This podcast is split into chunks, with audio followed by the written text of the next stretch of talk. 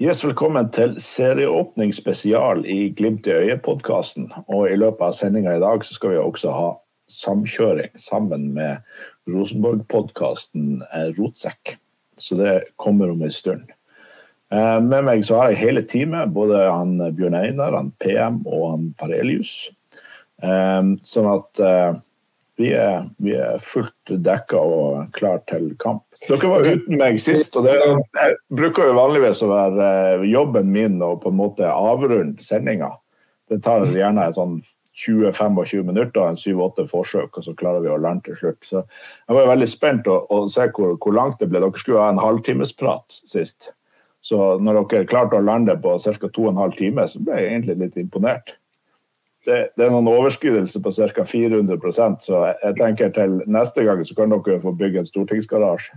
Nei, altså, Vi kommer til å sende de timelistene nå, så det blir jo litt spennende. Vi må jo ha bevis for jobben vi gjør, så nei da. Det det er det er litt, Vi er jo litt tilbake til det at det er altfor lite stoff. Vi, da må vi lage det sjøl. Ja, og mye vil ha mer, for at tallene viser jo at selv om det er den nyligste episoden vår, så er den allerede den som er mest lytta til av alt vi har produsert til nå. Ja. Kanskje vi må kjøre dobbel lengde her? Ja, eller bare at jeg ikke er med lenger. Ja, vi, vi kjører liksom 50-timerspod, sånn som Europort skal gjøre. Apropos gode podder. Jeg vil jo si at vi har et lite stykke igjen til fotball. Uh, og Ulrik Saltensnes episoden nå. Å, fytti grisen for en god episode. Jeg har, ikke, jeg har kanskje 30 minutter igjen. Men dæven steike være med Tete Lidbom og den gjengen der. For et, for et mesterverk av en podkast! De får jo Ulrik til å åpne seg. Nå har han jo faktisk sagt at han hadde korona. Vi visste vel det, da, men vi torde ikke å si det. Men nå har han jo sagt det. Men de snakker om mental helse, de snakker om livet, de snakker om alt mulig. Ulrik Saltnes for et unikum han er. Og jeg valgte jo igjen, helt riktig, jeg har valgt min favorittspiller i Glimt, og det var Ulrik Saltnes. Og han er fortsatt det etter den podkasten her, for å si det sånn. Har dere hørt den? Ja, ja, eller jeg, jeg begynte, og den, den, er jo 3 timer og 31 minutter, tror jeg det er. Ja. Så det er jo 3 timer, 31 minutter og 12 sekunder, så det er jo litt sånn det er bra med lange podkaster for godt content. Absolutt. Ja, det der er en kunstverk av en episode. og, og Man får jo bare enda mer mancrush på, på Ulrik Saltnes enn det man hadde fra før av. Altså, for en mann, for en fotballspiller, for en kaptein. Han er, ja, det, det er målestokken min i livet nå. Jeg har lyst til å bli Saltnes. Mm. Det begynner, begynner, å bli litt seint, er det ikke det? Er ikke du litt ett år eldre? Nei, jeg vet ikke. Er Ikke han 92 han nå, heter faen. Jeg ble 30 på fredag i hvert fall, så det Jeg fikk vi spilt inn den òg. Visepasning. Endelig alle i podkasten, i hvert fall veldig midlertidig i 30-åra. Ja, men vi er jo 30 år. Vi må ikke slutte ikke, ikke begynne å rippe opp i det. Sier en som har bursdag 27. april. Helvete. Er det for at alle skal skrive ned det, så fikk vi det med der. Men, ja, det er jo faktisk passert 30-åra. Det kan love deg én ting. Det blir bare bedre. Det er bedre å bli 40 enn å bli 30. Ja, Stemmer det. Du bitcha oss jo for at du skulle på fest. Da ble det jo nevnt at du var oppi åra. Ja. ja. Men, yes, kjør. Nei, OK, vi kan ta litt. Fordi vi, vi, skal, vi, skal, jo ha besøk av Rodsekk inn i vår podkast. Den kommer sånn cirka om ja, hva skal vi si, kvarter. Da, så da, eh, da, tenkte jeg at vi, vi, skulle gå litt inn i sangens verden. Um, og Det er kommet ut en ny låt denne uka. Jeg vet ikke om det kom i dag eller i går. Men det er jo da en fantastisk låt av Jørgen Jensås. Vi kan ikke spille det, for lyden blir så dårlig. Men um, på Spotify så ligger den i hvert fall ute. 'Nord-Norges stolthet'. Jeg fikk frysninger på armene og ryggen av låta. Jeg er jo veldig glad i gitarsolo og den biten der. Jeg vet ikke gutta, om dere har fått hørt på den låta, men det var et mesterverk av en låt. Jo, den var, den var, bra. Den var bra. Det, det, det, skjer ting i musikkens verden når det kommer til Glimt. Um, så, så, jeg har bare lyst til å si det at Halvdan Sivertsen er jo skyldig også. Supporterne låt etter Romakampen. Det var noe, når, det var, han ble spurt på direkten det blir vel ny sang nå. Ja, sa han. Eh, så Haltan må steppe opp her. Haltan må opp i gamet. fordi Vi har jo også en annen låt som Jeg har jo ei datter som er 15. Og hun hører på Eller jeg har jo flere døtre, og alle døtrene hører på Hanne Arntzen med 'For evig'. Det, jeg syns det er en god låt, det òg. Det er jo litt mer fart, litt tek teknolåt, eller hva man skal si. Litt mer moderne musikk. Uh, så der er det jo også litt sånn høyt oppe i, i, i, i klasse på musikk. Er, er dere enige der? Ja, den, den, er en fantastisk låt. Uh, og så, må vi jo ikke glemme min trio. Det er liksom toget fra Bodø. Jeg har, har tre unger som digger den. Eh, så det er litt sånn apekattfaktor. Når den kommer på, da er det hæla i taket, og på si, da river de ned tapeten. Jeg kan jo si en annen, annen låt som de jentene mine på to og fire synger, og det er jo 'Opp på bordet, gi meg en til skjøtt'. Jeg syns ikke den er akkurat der. Det var meg i går. Ja, det var du i går, ja. ja. Og så det kommet en, en som er Den må ha kommet etter Aset, men jeg syns den var mer beskrivende til, til Lillestrøm. Kanskje litt OFK, da, som hvite hint. En sang som heter 'Glimt er videre' av Trond Nilsen. Den har ikke så mange avspillinger på YouTube, men den ligger på YouTube. Gå og hør på den. Den er litt sånn eh, vi er faktisk videre til en semifinale. Den her syns jeg vi den, den, skal spilles høyt uh, over høyttaleranlegget på Aspmyra. Niklas, hvis, uh, hvis, vi slår Viking, eller når vi slår Viking og kommer til en finale. Jeg syns det er en sånn type låt som er verdt å sette på, med litt, litt lavt volum på repeat, og så bare ha den stående på om natta når man sover. ja, sånn. Glimt der videre. Men jeg hørte, jeg hørte litt da Bjørn spilte nå rett før sendinga. Jeg, jeg, jeg, jeg syns det var fengende. Kjempelåt. Det er nesten litt fengende som han Gjøran Ja, Gjøran sin den går skit med TIL, men det går ja. bra med den. Jeg, jeg, liker den. den den, den syns jeg er fantastisk. Det, det, det, det, blir bra, liksom. Så det er sånn, eh, da har vi gitt eh, kudos til alle som lager Glimt-musikk, men eh, vi etterlyser fortsatt Halvdan. Ja, Halkan, nå må du i studio. Det er på høy tid bare Du, du tar jo sikkert på sparket, Halkan, hvis hvis du, bare setter deg i studio. Så kommer det. Ja, og, det, og det, det, er jo litt sånn eh, også det at det kan jo hende at det blir en cupfinale. Det, det, er jo på tide å begynne å jobbe med en god cupfinalelåt, for det blir jævla tight hvis vi slår Viking. Eller når vi slår Viking. Vi må skrive om til uh, Knutsen han storma fra ja. Uh, den, har jo, den har jo Geir Sørensen allerede laga. Ja, stemmer det. Ja, men vi skal jo til en Conference League-finale også, så vi trenger så alle låtskrivere bare sette i gang og produsere, og så ser vi hva, hvor mange låter vi trenger til slutt. Ja, vi kan jo ha det en på norsk, og så må vi ha litt sånn internasjonalt, og så må vi ha litt sånn for nye tilhørere fra fra Baltikum og videre. Så nei, det, det, er muligheter for de som er musikalsk. Nå er jeg dessverre ikke det. Jeg holdt på å si tonedøv. Og jeg fikk vel beskjed om å gå og stille meg bakerst på et sånn triangel der når jeg var i sjette klassen, og, og hold kjeft. Det var vel det musikklæreren sa til meg. Så musikalsk er jeg. Slå, slå på det her, du. To ganger i løpet av tre minutter. Så. Men gutta, Jørgen Jensås, jeg, jeg, vet ikke hvordan han er på engelsk, men jeg, jeg har fått med meg at Hanne Arntzen er veldig god å synge på engelsk. Så der tror jeg vi har en muligens en internasjonal sleger fra Hanne Arntzen som skal lage en, en europacuplåt. Eh, Hanne, nå tror jeg faktisk er tida inne for å synge om Glimt på engelsk. Og da er det, Hvis du skal oversette Bodø-Glimt på, på, engelsk, så blir det eh, Live, Die, Flash. Eh, og da har du det.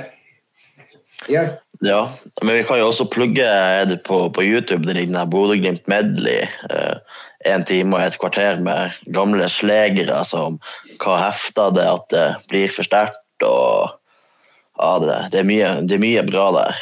Hva er din favoritt der? Um, nei, det er vanskelig å si. Men jeg er jo barnslig. Ja, Tromsø. Dere er ikke noe god Tromsø. Ja, den blir fin, Tromsø. Men Du har jo- tråd i all denne eh, produksjonen og content-innholdet, og også lange episoder fra oss og enda lengre episoder fra Heia fotball, er jo at folk vil jo ha innhold. eh, og vil ha content som gjør det ekstra trist at, eh, at det ikke produseres eh, så mye og ikke hypes så mye frem mot eh, seriestart. Men jeg vet ikke om det er noen som følger med på Formel 1. Nå er jo en ny sesong kommet i gang, og, og der produseres det jo en del, eh, del interessante fakta. Den her eh, Netflix-serien Drive to Survive har jo ført til en økt, et veldig økt interesse for Formel 1. og En undersøkelse de gjennomførte viste at folk de, de konsumerer fem ganger så mye innhold om Formel 1 enn den tida de bruker på å se Formel 1-løpet. Altså podkast, YouTube osv. Så sånn at eh, jeg tenker at dess mer innhold vi produserer, dess mer interesse blir det. Ja, og der har jeg nå egentlig Jeg sittet og tenkt litt tanken. Hva dere tror hvis Netflix, som er en internasjonal aktør, hadde laga en eh, dokumentarserie om Bodø-Glimt? Den starta i konkursåret og jobba deg frem til det vi er i nå. Jeg tror faktisk at det hadde vært en eh, fantastisk serie hvis du hadde klart å få inn både klipp og alt mulig fra kamper og ikke minst økonomipapirene. Så eh, Ja, Bjørn Myhre, Bjørn Myhre står og selger vafler på torget der for å berge klubben. Det er frem til døra, tigge penger på døra, ikke sant? Banke, banke dører i, i, i Vestbyen. ja, Nei, men det, det, det burde komme mer eh, og det er jo litt sånn, Jeg blir jo overraska igjen over rettighetshaverne. er sånn, de, de lager så lite. ikke sant?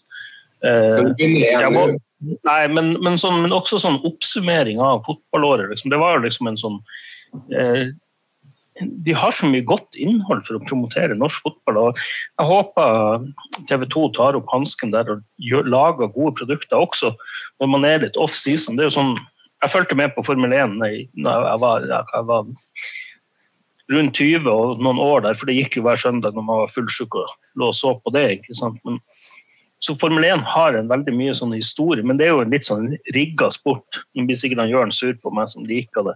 Formel 1 veldig godt.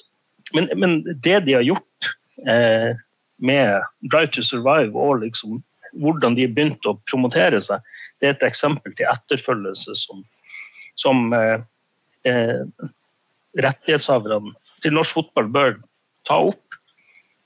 Men eh, som, det, det er mye bra content om å høre eh, hvor eh, elendige rettighetshaverne er i forrige episode. Siden jeg ikke var med i den, så kan jo jeg skryte uhemma av den. Alle som ikke har hørt forrige episode med en gjennomgang av, eh, av spillerstallen, må man absolutt gå inn og høre.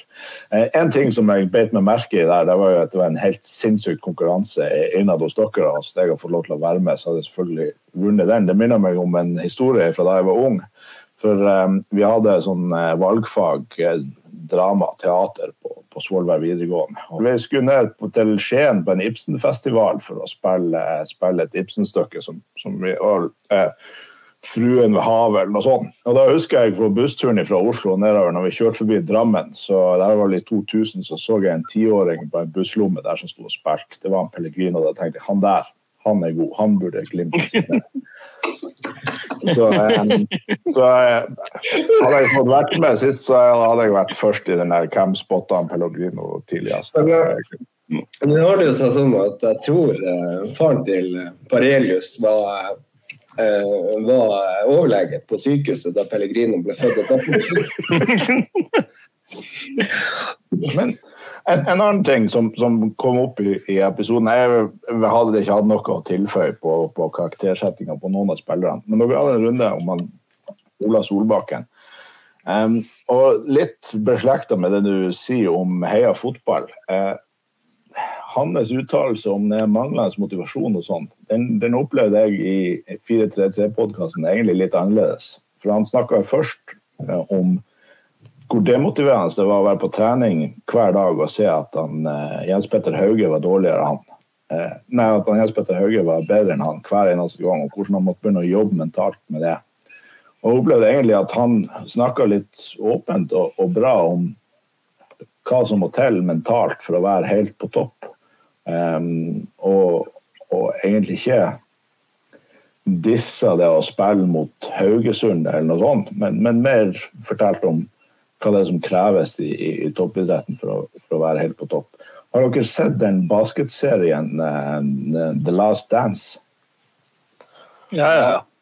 Den vil jeg absolutt anbefale. for det, jeg snakket, Han er litt sånn halvveis psykopat. Han snakka om at han fant på at motspillere slengte slengt drit til han, så at han skulle bli aggressiv nok til å ta virkelig tenning. Så innrømte han jo etterpå at det var egentlig ingen som hadde sagt noe til han. Men eh, folk er jo litt forskjellige og, og, trenger litt andre ting for å treffe det riktige nivået. Og eh, og selv om jeg syns er intervjuet i, i Telemarksavisa hva det var, var skikkelig rotete, så, så, opplevde jeg mer den 4-3-3-intervjuet om at han bare rett og slett var, var ganske åpen om at, eh, at, det mentale også har mye å si i fotball. Da er våre frenemies fra Trondheim, ut podkasten Rotsekk, klar til å joine oss. Velkommen til dere. Eh, hvordan syns dere det her ser ut? Beskriv det du ser på skjermen nå, så skal jeg lage litt effekt samtidig. Ja, greit. Ja. Nei, det er jo jeg, jeg må jo si at det er jo fire Det er jo fire flotte mannfolk. Ja. ja. De er glad i norsk fotball. Det er de. ja. Men så er de jo, de er jo fra Bodø, da. Det må jo sies. Ja. Jeg, skulle, jeg sa til en Tommy her i stad at farmora mi var jo fra Sortland. Fra Vesterålen. Skal du begynne sånn nå? Nei, men hun var, så var tater òg. Så ja. heldigvis, da. Så hun fikk everyone. Altså, nå skal vi Gutter. Det er to av oss som er fra Eller to av oss fire som er fra Bodø, og jeg er ikke en av de. Å nei. Hvor er du fra du, da? Jeg er fra Lofoten. Jørn Sund Henriksen fra Lofoten. Hvor hen på Lofoten, da? Jeg vet, det er veldig veldig lita bygd med ca. 60 innbyggere, men jeg har et interessant navn. Ja. De heter Gravermark. Hæ? Og det tenker jo folk gjerne at det har noe med graving å gjøre. Men det er graværmark, og det er for at nabobygdene hadde værene sine til å gresse der. Så værmark. Oh, ja. Grav, grav betyr kåt, så det er egentlig kåtværmark. ja, ja, så det er ikke min feil, det ligger i jordsmonnet. Ja, herlig, herlig. Jeg har vært og spilt mye på i Lofoten, så helt ned på Å, faktisk. Og Ballstad-dagene og ja, litt forskjellig. Ja, ha-ha. ja, men det er flott, det. Altså, jeg føler jeg har det beste av to verdener. Jeg får både lov til å være Glimt-fan, men jeg er ikke fra Bodø. Så. ja, ja, du slipper å bo i Bodø. Gå ut på Moloen og se. Det er ikke så mye å se. Nei, jeg har vært i Bodø én gang. Jeg husker ikke mye av det. Fint inne på glasshuset her, da. Eh, jeg husker Ja, det kan godt hende. Nå vært og spilt der òg. Mm. På Stage, hva det heter. Det er mange år siden. Ja, så klar til kamp på søndag, da. Ja, jeg, jeg vet ikke, Er dere helt klare?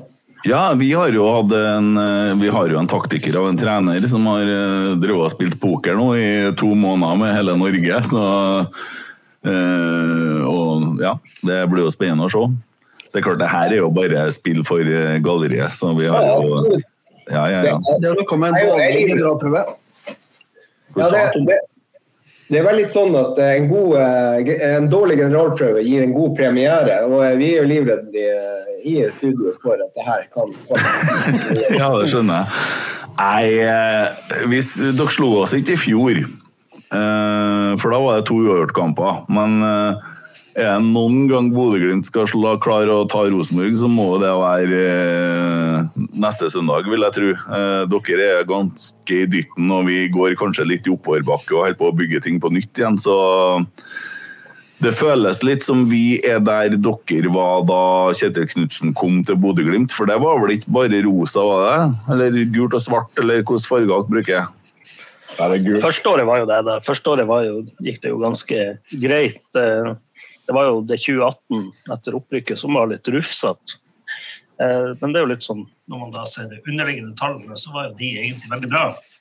Ja. Det som var problemet, er at vi ikke hadde en spiss som skåra mål.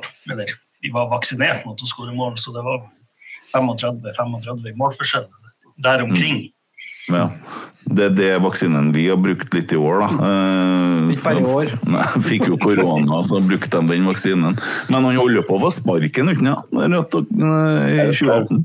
Hvis du søker Knutsen out på, på Twitter, så finner du en del tweets fra 2018.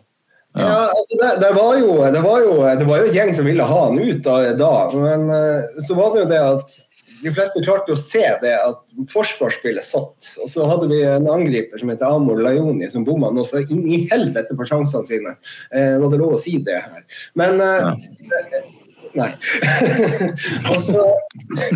Eh, så så det, det, det ligger jo litt i det. Og så hadde vi Fardal Ropseth som ikke var bevegelig, og, eh, og, og, og der. Eh, Han hadde jo skåra et par og 30 mål i Obos i 2017, men det var vel kanskje ikke helt akkurat der i Eliteserien 2018. Så, så vi slet litt foran mål, men forsvarsspillet begynte å sette seg. Og begynte å se litt konturene av at, eh, at ting var på vei, men allikevel så var det mange som mente det at han skulle eh, ta bagen sin og, og fly.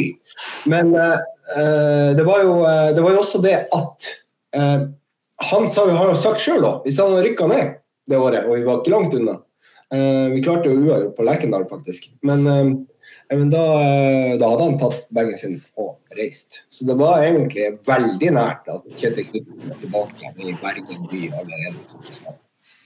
Mm. Jævla synd at ikke akkurat det skjedde, spør du meg.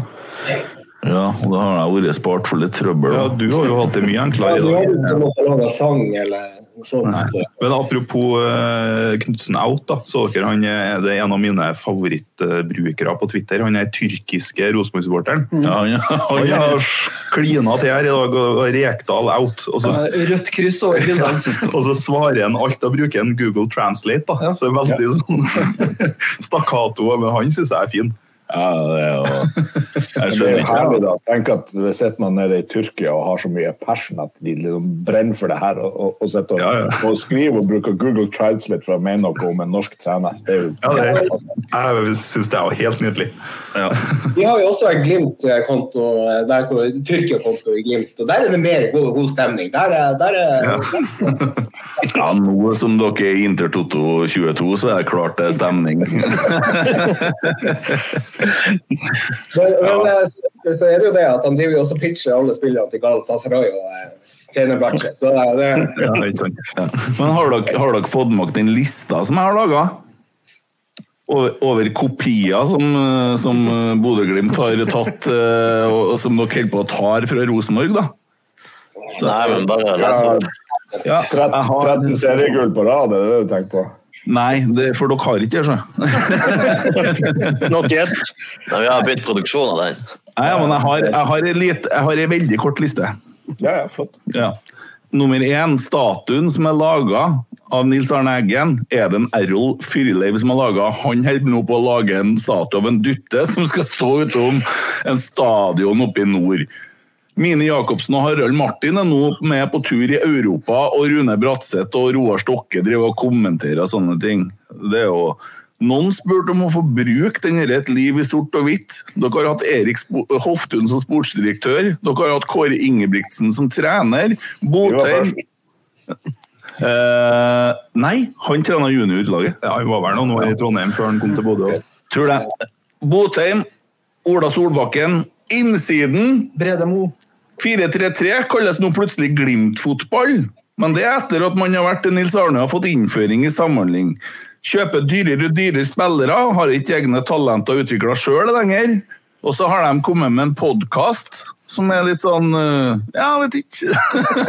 en spiker som har begynt å rope navnet til spillerne tre ganger. Ja, det har vi fått med oss. Bart! Dere har tatt barten!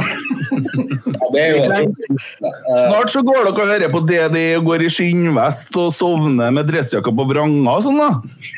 Jeg elsker det. det. Så har dere tatt Anders Konradsen. Jo, han er mest vår, skjønner du. Styret som driter i medlemmene. Dere har faen meg begynt med det òg! Moldehat. Dere har ikke brukt Dere har hatt av Tromsø. Molde er vårt å hate. Gitt megafon til unger. Det er vårt. Og så maskotten deres, som heter Putte. Maskotten vår heter Putte! Jeg gir opp. Men det kommer sikkert mer. Men eh, den der eh, statuen av Koteng der på, i Vigelandsparken, den, den er ikke laga av han sammen.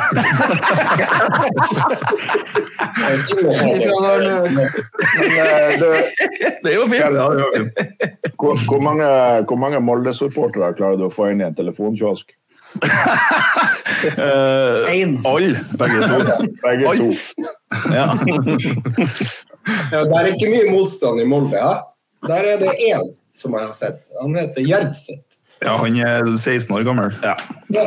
Men han må dere være snill med, for han er egentlig veldig grei. Voldsomt talent. Voldsomt Men dere, greit, vi har kopiert et par ting av dere, og vi skal være såpass sjenerøse og si at en del av inspirasjonen til å lage denne podkasten vår henter vi fra dere. Um, um, og og eh, jeg, jeg satte meg egentlig ned for å hathøre på en uh, episode om Rosenborg. Hvor, hvor gøy kan det være? Så eh, helt uforberedt, jeg var ikke psykologisk forberedt på det her i det hele tatt, så kom det et spørsmål om hvorfor han Josef Fritzel er avholdsmann. og siden det så har jeg vært eh, småforelska. Det må jeg si. Det traff meg eh, helt, helt perfekt. Jeg var min, faktisk. Ja, det var det. Ja, Han blir så ekkel i fylla. ja han blir så ekkel. Det er jo noe med den trønderske måten å si 'ekkel' på. Nei, men det var hyggelig å høre det, da. En ting som vi har arva fra dere, litt pga. at dere også eh, dominerer i kommentarfeltet vårt når vi spør om spørsmål og sånn, er jo dilemmaer. Eh, og eh, Emil, vi er glad at vi gjør det her eh, elektronisk og ikke eh, ansikt til ansikt, for det er vel en del ting der som, som eh, står på handlelista over hva som må gjøres. eh. Ja, det er noe klining med, med snus ja. som er skyld i Jeg har et eh, dilemma til dere. Um, Hvis dere måtte ha valgt um, å, være, eh, å holde med Norges beste fotballag som vinner alt rundt omkring, samtidig som dere er Norges dårligste fotballpod, eh, eller omvendt, Norges beste fotballpod og et litt sånn her eh, halvdårlig, eh, middelmådig fotballag. Du spør om vi ville vært deg eller meg? Nei, men du vet, det er ikke noe problem for meg å erkjenne at Bodø-Glimt er et bedre lag enn Rosenborg per dags dato. Eh, sportslig, altså, da snakker vi sportslig, eh, men jeg er så glad i Rosenborg at det er vanskelig å forklare det med ord. Og da er det andre ting det handler om òg. Så det, det, det svaret er jo selvskrevent for min del, i hvert fall. Ja, men eh, mener du Altså, vi hadde jo ofra en podden her dersom eh, Rosenborg ble Norges beste fotballag. Ja, ja, ja. Det var det, ja, ja. Ja, da, det er ikke noe problem. Nei, nei, nei. Sånn, ja. Det handler Nei, vi gjør dere på vårt nivå hvis det hadde vært eh, gull i potten, for å si det sånn. Ja, ja, Ikke noe problem. Det, det, jeg føler vel kanskje at vi er på mer samme nivå enn hva du vet. Jeg vil anbefale å høre den livepoden fra onsdag. Alt, alt gikk galt! Men jeg har, en, jeg har- en liten greie til dere. Vi kan jo begynne litt, litt sånn halvveis seriøst. Jeg bare tenkte Eller er det seriøst, det her? Eh, nå skal jeg spørre Rosenborg-gjengen først. Altså eh, Emil, Tommy og Kent. Er det noen spillere som dere tror fra Rosenborg, som spiller fast i Rosenborg, som ville gått inn i startelveren til Glimt? I Ja. dag. Markus Henriksen, Adrian Pereira. Pereira, André Hansen. André Hansen, selvsagt. Ja. Uh, usikker kanskje på Børkeøye. og sikkert Per Siljan for at han er for gammel. Ja, ikke- Jeg tror jeg har ikke sett nok ennå. Nei. Kan godt hende at han er god nok, men jeg vil se han litt mer først. Ja. Nei, men jeg, altså, jeg mener at vi har bedre spillere enn dere. Dere har et bedre lag, men vi har bedre spillere. Men eh, tror dere da at det er noen fra Rosenborg som har gått inn i Glimt? Jeg har et oppfølgingsspørsmål. Ja. Er det noen spillere på Rosenborg i dag dere tror da ville ha gått inn i første elveren til Raufoss? Ja, vi har jo sendt over et par, da. Filip Rattbakk. Haltvik. Haltvik. Ja, Selvsagt samtlige. Men nevøen til Trine Altvik. Ok. vi sliter litt med å få laget til å fungere, men spillerne individuelt er dritgode. Og så har man masse forklaringer, men det er det er, viser seg at eh, det å skal bygge et hus på nytt støtta bort litt utfordringer når vi holdt med gravearbeidet her. Det ble litt eh, mer Hva sa radon? Ja, de fant radon i Bergen. Så det ble, ble litt mer tok eh, litt lengre tid. ja. Men det, altså, det, det Fortsatt så er Rosenborg vunnet mer enn alle andre til sammen de siste ti årene i Norge. Eh, og vi snakka om en femteplass i fjor, og det, er- det, er, det er krise for oss, ikke sant? Uh, for det er fryktelig mye ting i omløp her. Altså, Uh, vi hadde åpen dag på Lerkendal på lørdag, og det var 5000-6000 på åpen dag som for å gikk rundt og var med på ting. Altså det, det er mer folk å se på gatelaget på Lerkendal her, enn hva de har sett på Molde på Aker stadion. Ja, det er Så, sant. Men altså, jeg skal bare ta den der Du sa Per Eira. Han er venstreback. Ja. Eh, Der kan jeg være delvis kanskje enig. Eller er noe, hva dere tenker der, gutta? Han, eh, det er en Wembangomo som er der, ikke sant? Ja. Jeg syns jo, ja, jo at han har en Han ser jo Han har jo en helt sinnssyk fysikk. eh, men han slår jo en 14-16 feilpasninger hver kamp. Helt Så det er litt sånn todelt. Han ser jævla spennende ut, det skal jeg innrømme. Men eh, Men nå må, vi, nå må vi jo tenke som en, den eh, Rosenborg-spilleren skal inn i det systemet som det velsmurte systemet. Ja. Og jeg tenker jo Hadde eh, Pereira blitt bytta ut med Wemangomo på den venstrebacken, da hadde Pereira vært god. ja, det tror jeg også. I utgangspunktet så tror jeg Pereira er en bedre fotballspiller enn en Wembangomo. Mm. men nå er det vel sånn at Bodø har såpass mye penger at dere har begynt å kjøpe litt mer klassespillere, kanskje? Så litt mer er håndballag. Bodø er et håndballag. Du sa Bodø. Bodø er et håndballag. Du må si Glimt hvis du mener fotball. Glimt er jo bare et blaff. Jeg syns det er et klønete navn. Glimt er jo bare et sånt flash. Det er jo sånn forbigående. Du må, det, det, det, det er noe første jeg kom til å gjøre, å bytte navn. Nei, men jeg, jeg vet ikke hvor har henta så dyre spillere. Den dyreste vi har henta, er 4,5 millioner. Og jeg vet ikke, Det er vel månedslønna til han Henriksen. Henriksen har vi ikke råd til uansett. Jeg så du har satt ham på lista. Hvem han skulle tatt ut? Skal han ta, ta Høybråten eller, eller Mo? Brede Mo? Brede Mo han er snart ferdig i Bodø likevel, tror jeg. Og da tror jeg at øh, Jeg tror han, Henriksen er en bedre stopper enn en Brede Mo vil vi se i løpet av året. Det er jeg sikker på. Ja, jeg er helt sikker på Jeg har jo sagt eh, flere ganger at Henriksen spiller på landslaget til høsten som midtstopper. Ikke som spiss engang. Men du må huske på at vi har vært gjennom dette her, for vi har hatt en sånn elver, sånn type opplegg, sånn 4-3-3-elver som dere har nå, hvor det var dritbra lag, og så begynte vi å selge enkeltspillere til andre klubber, så ja, for dem til sånn uh, Sveits og Skottland og sånn, så ble det ingenting med dem, for de funka ikke i noe annet lag enn i Rosenborg, og det har jo kanskje dere òg sett litt konturene til. Ja, men vi, har ikke, vi har jo ikke solgt enkeltspillere, vi har jo solgt hele laget fire ganger. Det er vel bare han Brede Mo og han Ulrik Saltnes som er igjen.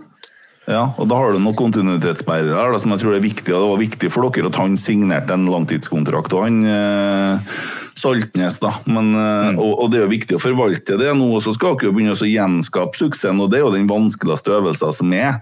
Og så nå begynner spillerne å kreve ting snart, skal du se, så får du kok. Det, og folk kunne ønske seg bort, og sånn og sånn. og sånn, Bare, sånn. bare vent til første spilleren begynner å si at han føler seg som luft.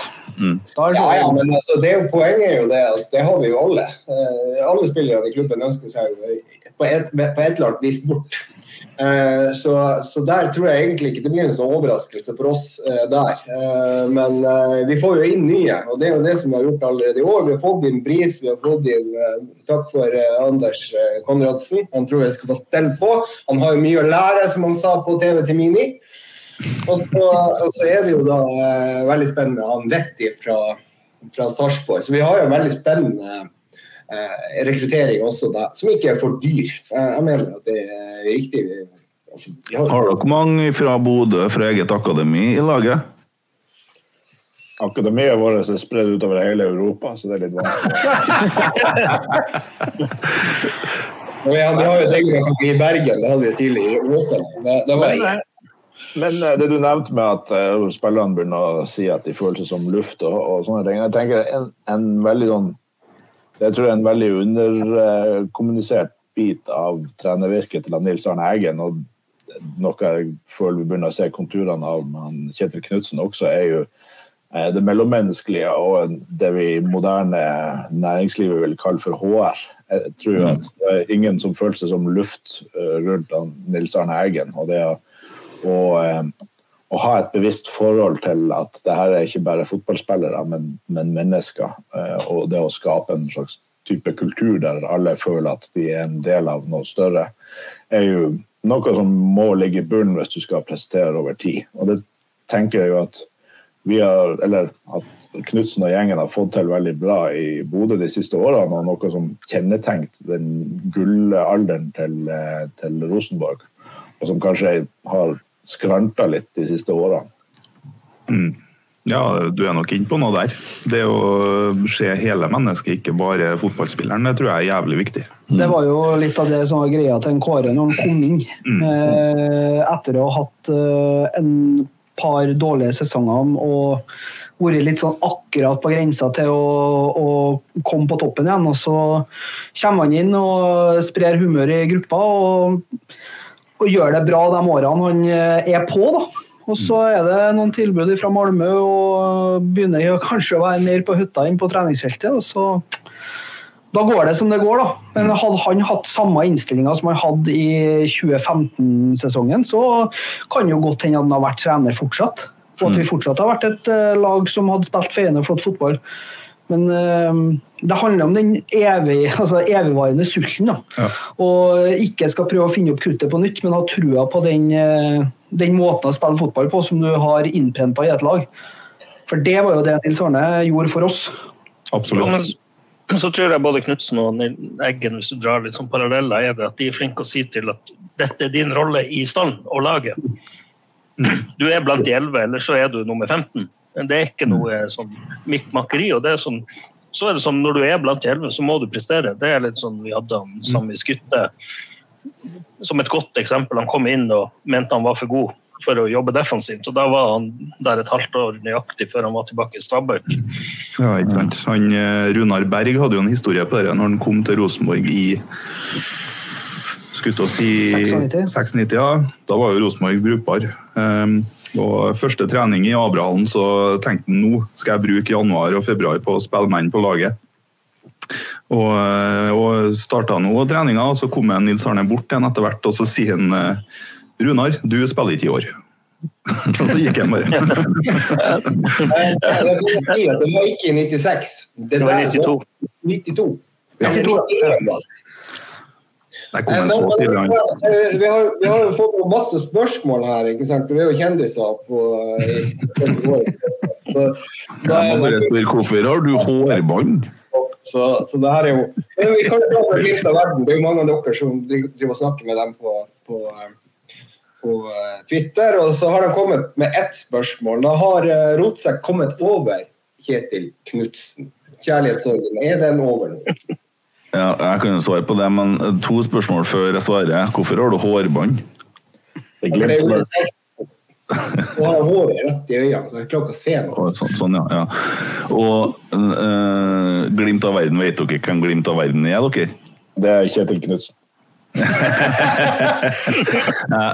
Ja, kom over det. Men jeg kan ikke si at jeg er lei meg for det vi holdt på med før jul. For at vi sammen med Bodø hadde en utrolig artig greie. For det var jo litt uh, herjing i sosiale medier, og så var det utrolig spennende. han gjorde det ikke noe mindre spennende enn han heller, for han sa jo ingenting. Så det var jo egentlig verst for dere som gikk og venta. Jeg regner med det var en bra dag den dagen han bestemte seg. Ja, hvor mange ganger kom den nyheten, egentlig? Så Det var jo så jækla opp og ned. Jeg husker en dag jeg sendte melding til han Freddy Thoresen i, i, eh, i AM og spurte er det over nå. Og så svarte han ja, det ser sånn ut. Og så gråtetegn. Mm. Det var den tyngste dagen hele høsten. Vi, var, vi leda serien, og alt var kjempebra, men da var det nedtur. Og da husker jeg han Jonas på Twitter eh, var rimelig aktiv eh, der, og det var vel også du, eh, Emil. Så, så det var det var, det var, Der var det en tung periode, og så gikk det opp og ned. Men det var jo sånn at det var jo et evig mas egentlig, fra juli til, til vi fikk svaret i desember. Så det var en forferdelig periode, men det var spennende. Det var det.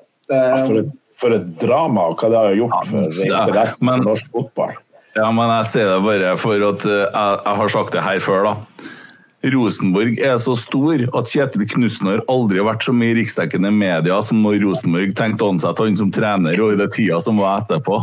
Da var det hver dag. Det, er sant, det sier litt til og med å få en uh, reporter fra Adressa opp til pressekonferansen for ja, da, da var det noen som var fornærma over spørsmålene som kom òg. Men, men, svaret for meg, da, for det, det glimt av verden sikter til, det er jo det at jeg skrev den sangen. Men det var jo min lillebror Jonas som uh, lavgårda laga en sånn litt halvdårlig tekst der, og så retta jeg opp den teksten litt sånn som en sånn tekst bør være, og så spilte jeg den inn i studio hjemme. og Eller så spilte jeg den her poden først, og det ble jo, så jeg bare laga en sånn akkert-versjon hjemme. og Det bar seg rett på TV2, så det er klart at da hadde dere jo litt å dele etterpå når det ikke ble sånn. Men uh, ut av det så kom det jo en annen sang med kjærlighetsviser, og så kom det jo en uh, Dere laga jo en uh, fra 'Har en drøm' til Runar Espejord, så det ble jo en sånn greie. Og så ja. satt, nå, satt nå vi igjen med et liv i sort og hvitt, og det har da gått ganske bra, det òg. Kan du ta en strofe fra den der eh, Hæ? Knutsen-sangen din? Tar du en strofe fra Kjetil Knutsen-sangen din? Nei, jeg gjør ikke det. det var greit. Jeg jeg var snar til å slette den fra YouTube, men uh, det lå jo fortsatt ut en tweet fra TV 2. og noen skjermdumper, og den ligger jo i poden. Men nei da, det var jo artig, det. Og det kan jeg sikkert gjøre flere ganger, for vi hadde jo veldig artig i den tida der. Og vi har jo kanskje gjort mer vi gjengen eh, på skjermen her da, enn hva Discovery har gjort ennå i år, i hvert fall. de la ut Jeg har en låt, da. Og det var jo den der uh dere liker jo ikke det at man skal lage egne melodier, men det har ikke vi kapasitet til. Så vi eh, lager det av andre melodier. Og det var jo denne låta her. Jeg skal prøve å ta den litt. Et bilde av Koteng, en lighter fra mor. En flamme som vis hva vi mener her i nord. Litt MSK og ei RBK-skjort. Det er alt det du trenger for å få bålet stort. ja, ja. Det er bare så de, må, de måtte begynne å snakke om bål. Ja. Ja. Det jeg bruker å si, jeg jobba sammen med en fra Lierne, og der, der oppe er det ganske mye Uh, ja, uh, urbefolkning. Ja, urbefolkning. Og da bruker jeg å si når han nærmer seg det lukter bål der. Og det er jo litt sånn, så vi, Men vi må jo passe oss litt for sånn humor i dag. For at i 2022 så holder ikke det. Men hadde det vært for 20 eh, år siden, så har vi nok kjørt hardt på akkurat det. Det kan ikke gjøre lenger. Du snakker jo med en fra Vadsø her, så det er jo, det er jo urbefolkning. Jo, jo, jeg skjønte jo du skulle begynne å tenne bål du i første sangen. Det var... Men gutta, vi har jo masse flere spørsmål. Noen av dere som er andre som har kontroll på Twitter, for, for de trådene er jo helt håpløse å holde kontroll på. Men mens, mens, noen leter frem neste spørsmål, så vil jeg bare si at på, i fortsettelsen av denne eh, Twitter-feiden vår rundt Knutsen, så har det jo Altså, vi har på en måte holdt oppe stimen etter det. Og jeg, gjennom vinterpausen og sånn, så har det jo vært mye ja, godhjerta hets, kan man jo kalle det, frem og tilbake. Og det er jo, det er jo trivelig, for at uh, det er jo så sjukt kjedelig med Premier League, med oligarkene som kriger og sånne ting. Så det å, å kunne ha noen å, å, diskutere og slenge drit om norsk fotball uh, med, er jo veldig artig. Men så er det jo sånn at det er jo noen andre lag og noen andre fans i Norge òg, og fra tid til annen så kommer det jo så mye rart. Det kommer av og til noe slengende fra noen Enga-fans og fra, fra Viking og sånn. Hvor, hvor humørløs går det an å bli? Altså, går det ikke an å litt humor? Kommer med sånn her eh, greia om hva man skal spise når man er på supportertur, og om hvordan foregår. Ærlig talt, det blir jo blodfattig av mindre. Ja, det, er jeg helt enig med deg. Vi, vi har jo snakka litt om det i poden her tidligere. og den der den der supporterkodeksen, hvordan du skal oppføre deg og være når du er supporter. Du skal være sint, og så skal ja. du ha dekket trynet ditt, og så skal du spise kebab, og så skal du skal ikke stikke deg fram. og skal, Det er så mye tull. Jeg er helt enig med ja, men det er det er jo denne her harde kjernen har, altså inni klanen her også er det jo noen, det er noen sånne i flere klubber, og de har nå sitt miljø og sin greie, og så er nå det en ting. Men det som er synd, er når folk begynner å fortelle andre hvordan de skal være. Ja. Og liksom uh, Her er det jo Vi, vi blir jo kalt langsidesupportere, ikke sant? For det er en greie at du skal stå på Øvre Øst, og sånn, så det, men det er noen som mener det. sant? og, og det er nå greit nok, tenker jeg. De, eh, de, skal bare få være i den verden, da. Men eh, det er klart Det man savner hyggelig for de også at det står noen på langsida. Ja, det vil jeg tro, vil jeg tro de synes, alle sammen. Men, men, det er jo litt sånn Norsk fotball har jo et problem med å tiltrekke seg nok tilskuere. Det er jo noe tvil når man ser tilskuertallene. Jeg føler det er tre plasser det er engasjement. Det er i Stavanger. Der de er best in class per dags dato, hvis vi skal gi dem en shout til det de gjør der. Eh, så er det i Trondheim. Det spørs hvor lenge det går hvis resultatene butter imot. Og så er det faktisk veldig bra i Bodø nå. Eh, til og med kamper begynner å bli utsolgt. Ikke cupkamper som ikke blir annonsert, men sånn som mot Roma, der er det venteliste. Første seriekamp, venteliste. Det er solgt ut på langsida med sesongkort. Det begynner å bli vanskelig å få tak i billetter, og det er bra oppmøte på bortekampene. Så mm. nå tror jeg det er viktig at man også får opp gløden også når sesongen starter. At, ja, er det en litt dårlig start, så, ja, så er det viktig å få frem at uh, vi ønsker alle på kamp, fordi at folk er forskjellige. Uh, noen sitter på langsida, noen sitter stille og ser kamp, mens noen står hele kampen og synger. Mm. Jo, men eh, det er nok Vi må nok begynne å plage flere, da.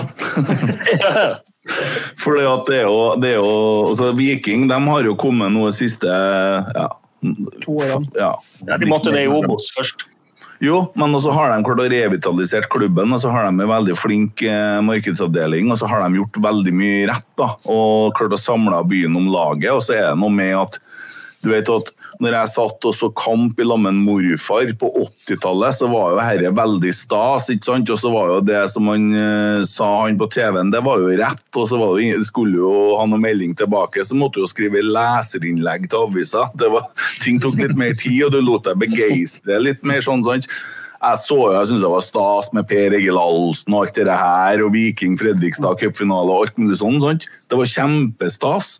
Uh, mens i dag så er det jo noe med at uh, du har uh, De største stjernene sitter jo i studio, altså i, i Discovery, og du har Joakim Jønsson og Jesper Mathisen og alle her, og de skal melde så hardt. Og Kai Bardal, ikke minst, de skal melde så hardt på bekostning av produktet norsk fotball. Da. Så de snakker ned produktet for å på en måte fremheve seg sjøl. Så egentlig så ødelegger de jo den ene merkevaren for å bygge sin egen merkevare, og det er jo latterlig, men alle gjør det. Også lokale medier. Bortsett fra anonyme narkomane, eller hva du kalte det, AN. De er vel sikkert i dytten nå. Han sa det i stad, han snakka om AN. Jeg gjorde det. Ja, jeg kjenner masse folk i AN. Jeg. De har fått mange som har fått hjelp der. Dere, Frank han er jo en uh, ivrig tvitrer. Uh, Frank Amundsen, uh, ja. supporter, han som ønsker å være naken hver kamp. Han er litt sånn oppegående, syns jeg. Artig. Ja, ja.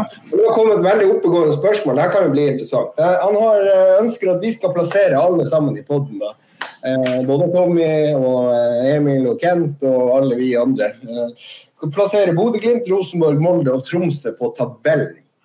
Uh, da tenker jeg at uh, kan jo, Vi kan jo være gjestfrie nok til at uh, trønderne kan begynne. hvis du sier Tommy, hvis du tar den første. Ja, Da får vi jo gjort ferdig tabelltipset vårt. Vi har igjen ja. tre lag, vi. Det var, ja, ja, vi har Molde, Bodø-Glimt og Rosenborg igjen. Så jeg kan jo ta Molde, da. Jeg tipper de blir nummer tre. Ok. Gjør du det? Mm. Jeg tipper at Rosenborg blir nummer tre. Oi. Ja, jeg gjør det. Hva, hva er oppgaven min, da? Skal jeg plassere Bodø-Glimt? Nei, skulle, alle skulle si sine. Du kan jo si ferdig din, da. Ja, Skal jeg ta alle fire? Ja, ja. Eller skal, vi, skal vi dele det opp? Altså, skal vi si til Glimt først, alle sammen, og så bruke lang tid på det? Nei, nei, alle, alle tar alle sine hver. Ja. Nei, da kjører jeg bare Jeg tipper Glimt vinner seriegull. Eh, Rosenborg eh, nummer to, Molde nummer tre, og Tromsø tror jeg blir nummer elleve. Jeg tror Glimt vinner. Molde nummer to, Rosenborg nummer tre. Og så tror jeg at uh, Tromsø de eh, spiser kanskje grøt uh, Nei, de, de kommer Hva sa vi i poden, da? Hvor vi plasserte dem? Jeg tror vi sa dem elleve, ned? sjukt. Elleve? 11-12. Ja, men jeg skal nå snakke for meg sjøl. Nei, jeg setter Tromsø faktisk på nedrykk. Et direkte nedrykk. 15.-plass. Ja. Jeg sier at Rosenborg vinner. Og så har jeg Bodø-Glimt på tredje, Molde på fjerde. Og så jeg skal, jeg skal se kamp sammen med Marius Helgå om 14 dager. Så da får jeg vel juling hvis jeg setter Tromsø på nedrykk, så da sier jeg Tromsø på 14. Det er faktisk fasit fra tommeltipset. Det er klart det er Så- fasit. så- Det er jo, sier jo seg sjøl. Enn dere, da? Tromsø rett ned. Tromsø eh, de sliter med penger, de må skaffe seks millioner ganske raskt. Så de skulle vel selge Kentar Antonsen så jeg til eh, Lillestrøm av alle klubber var interessert i han, og så var det snakk om å spille det tilbake. Eh, Mista mye spillere, ikke noe ja, de, de, de ryker ned. Det, og det vil overraske meg stort hvis ikke. Eh, så tror jeg Rosenborg blir nummer fire. Molde nummer to. Og jeg tror Glimt vinner. Ja, jeg tror også Glimt vinner. Jeg tror eh, Rosenborg havner på tredjeplass. Jeg tror Molde havner på fjerde. Og Tromsø på tiende. Hvem, hvem har du på andre? da? Er Viking? Ja. Best de beholder spissen sin. ja. Mm. Jeg tror eh, Glimt vinner. Eh, Molde på tredje, Rosenborg på fjerde og Tromsø på femtende. ja. Jeg kan jo ikke si noe annet enn jeg tror at vi tar seriegull igjen. Eh, vi virker for sterke. Så det er jo Rosenborg, da. Eh, de har jo hatt en forrikende sesongoppkjøring, så det har jo vært kjempegøy. Så Hvis han drar med seg den formen i serien, så kan det her bli gøy. Jeg tror faktisk de beholder plass, så jeg sier 13. plass. Men på slutten, jeg skal ikke, ikke bekymre dere der. Molde, der tror jeg blir andreplass. Eh, De ser eh, sterke ut, selv om de tapte 2-4 eller for Ålesund nå i går. Ja, vi slo Ålesund 3-0. Ja.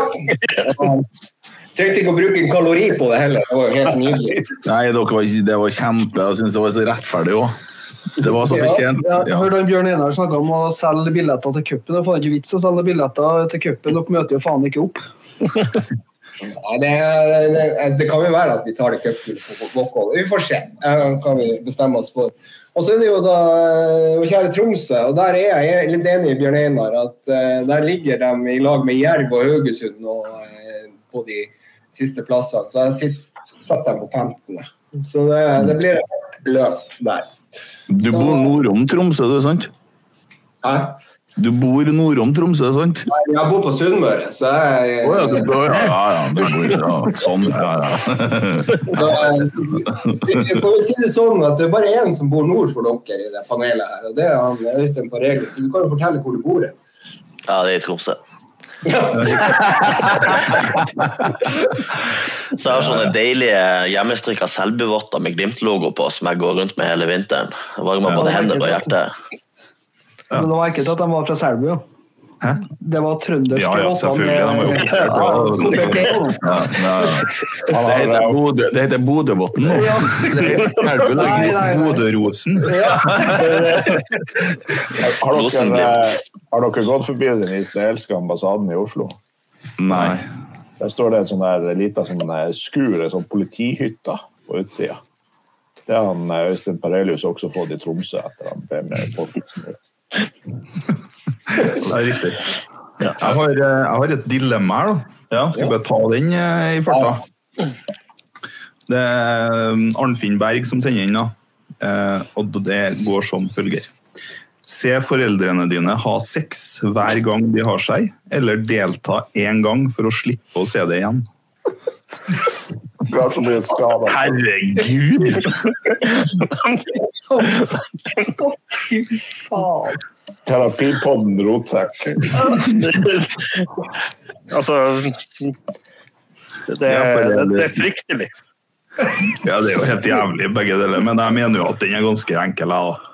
Du kan jo ikke ha sex med foreldrene dine. så du må jo, Nei, må nei, jo men bare stå han, han Henriksen bor jo ute i Lofoten, Ja. og der er det Der er det i hvert fall ikke uvanlig å ha i hvert fall fått det med seg en par ganger. Nei. Å, fy faen. Der. Nei, det er jo bare ett svar der. Ja, det, du må jo se på. Du hva som bor inni hodet til en sånn lager et sånt dilemma? Det hadde jo egentlig Vi vi, må nok, sende et kriseteam dit nå i kveld. Ja, Det har jo endt med at man har tatt og bare sine. Nei, man har jo bare tatt Ja, ja kanskje det. Eller bare begynt å knytte i lag lakenene og tatt, tatt en ja. Du er jo så heldig at du ser jo dårlig uten briller, så du kan jo bare kaste brillene. Altså. Nei, jeg ser ikke så dårlig, nei. Så dårlig ser ikke altså. Jeg hadde nok ønska meg noen pluss til da, jeg tror jeg. Ja. Ja, det jo også, hvis, du kunne velge da, altså det tredje dilemmaet her, hvis du hadde vært blind, så hadde det jo vært eh, altså, Du kunne stikke ut øynene dine. Jeg tror kanskje jeg hadde gått for det. Altså, vært blind, blind resten av livet og stukket ut øynene mine og stått og sett på dem. men jeg kunne ikke sett. Så jeg tror jeg går, eh, hvis det er muligheter for å stikke ut sine egne øyne, så tror jeg det er det. Du hadde aldri fått sett dere kunstgresset deres igjen, og du må tenke på det. Men jeg Veldig fort kommet i en sånn prins Charles-situasjon at du har sittet ned og burde ha regnet på hvor, hvor lenge kan egentlig foreldrene mine leve.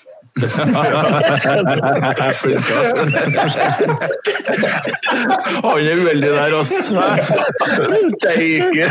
Men først, først havna i den situasjonen, og så ja.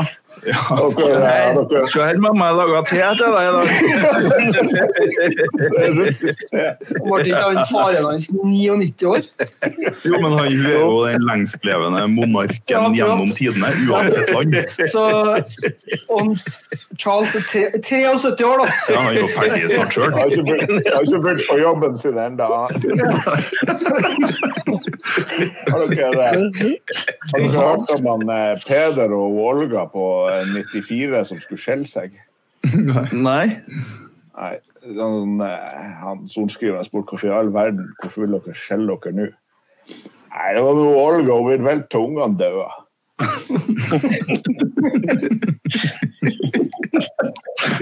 det er jo Elisabeth går og venter på også. Ja, ja, ja. ja. Ja, men gutta, det, det, er jo, eh, det er jo en kamp, da. Skal vi, den kom er en kamp 3. april på Aspmyra. Eh, Der skal vi også dere delta, altså Rosenborg. Ja, vel. Skal dere ta litt om den, eller? Det er jo seriestart. Ja, vi har jo vi har jo snakka litt om oppkjøringa før dere kom inn. Um, og eh, vi er jo enige om at vi er, vi er jo bekymra. Mm. Det er vi. For det skjer jo unektelig ganske ræva ut per nå. Så Det er alt å vinne. ja, vi har det. Og det er jo fordelen her, da. Rosenborg er jo fullstendig underdog. Det er jo ingen som uh, det- blir sjokkert hvis vi taper. Og det må være første gangen vi noen gang har vært altså Greit nok, ja, vi har kanskje vært ikke vært tippa med så høy odds oppi eh, Bodø i siste sesongen, men jeg tror aldri, aldri vi har vært en så stor underdog overfor en annen norsk klubb siden Nils Arne Eggen tok over Rosenborg. Nei, nei. Aldri. Det- er nok riktig, det. Og der er det jo også da at eh, det kan jo slå tilbake på. Så det er jo det vi er litt, eh, litt redd for. Men eh, vi kan jo huske, huske på det at i fjor, når vi spilte, var det serieåpning i fjor 1-1? Stemmer det? Det var kamp tre. Kamp tre. Ja, 16. mai. Og da rundspiller vi i Rosenborg, men uh, dere klarer å få med dere et poeng på slutten. Og, um, Det kan jo også uh, være en mulighet for det i, i dag. Eller på, på, Jeg måtte bare se. Nå ser han fem i odds på Rosenborg her, så det er jo helt nydelig. Ja, men Ser du hva jeg har gjort? Du har spilt ut for Rosenborg? Ja. Jeg har spilt ja, på Rosenborg. Ja. Fem, jeg har aldri sett at det har vært fem i odds på Rosenborg før, uten at vi har vært i Europa. Men, øh, og Rosenborg for å, Når jeg spiller på Rosenborg, så går det aldri bra. Så det er Hvorfor i helvete har du gjort det, da? For at nå skal jeg jinxe alt jeg kan, på alle måter. Sånn. det er motings i alle retninger Man har aldri kommet til å sagt det høyt før. Så. Nei. Ja, riktig. Ja. Nei, Glimt av verden er jo Norges eh, verste oddstipper, så jeg vet ikke hvordan de, de tipper. Ja, ja, men det, det, det der er jo bare piss. Det er jo bare for å få klikk og se nå eller tippa på motstanderen og sånne ting. Og så kommer du til de siste kampene dere hadde, og jeg skjønner ikke at det er mulig. Altså, ikke bare har man blitt et OK lag, men også selv en spiller til Russland som du fikk gratis fra Bodø, så får du faen meg gratis i retur igjen! Vi har jo knapt spilt i Russland! Det er ikke sikkert at vi får han gratis, men vi håper jo det. Eller kanskje ikke. Det har gått så vi har Alt. Og så er det As Alkmaar-greia her. Hva faen?! Hvor mange ganger spilte vi mot Celtic i Europa der de, der de eh, var fuckings eh, enorm? Ja. Og så møter dere faen meg publaget til jævla Celtic!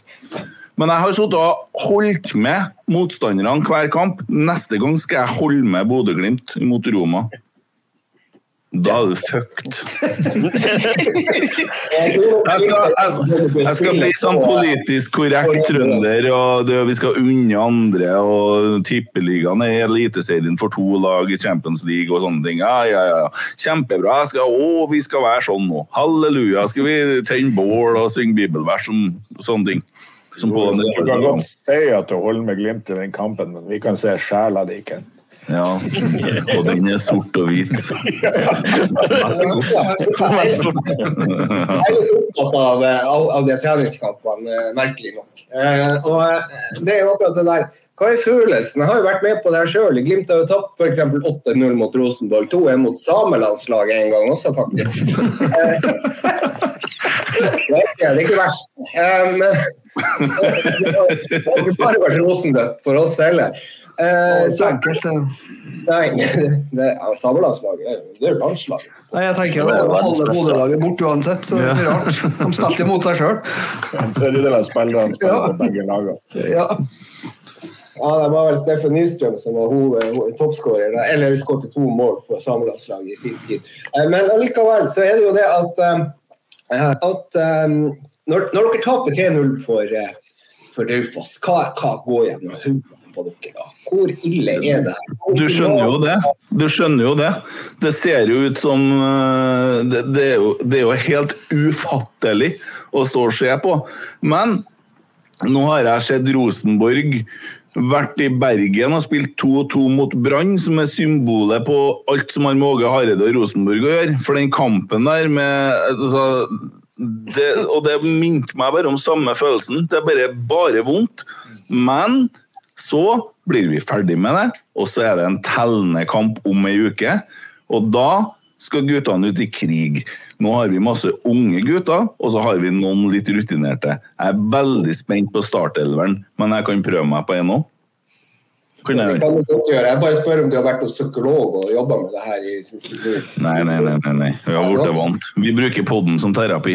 Ja, neste psykologtimen man trenger, det er jo etter å høre de forskjellige dilemmaene som kommer inn. Ja, det er helt riktig. Jeg kjenner ennå på det.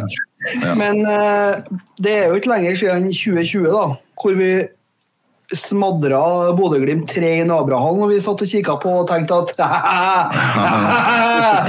Så Kom og prøv dere, dere jævla. Og vi slo Bodø-Glimt 1-0 senere òg, den 30. mai den sesongen der. Ja. Gikk nå til helvete lall?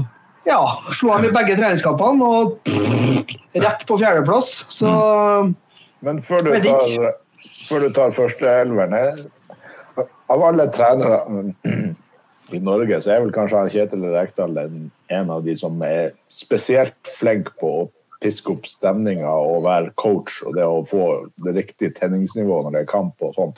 Mm. Eh, tror dere at det kan være et eller annet at man klarer ikke å få folk til å tenne på alle sylindere når det er treningskamp, men når det blir the real deal, så, så setter maskineriet i gang?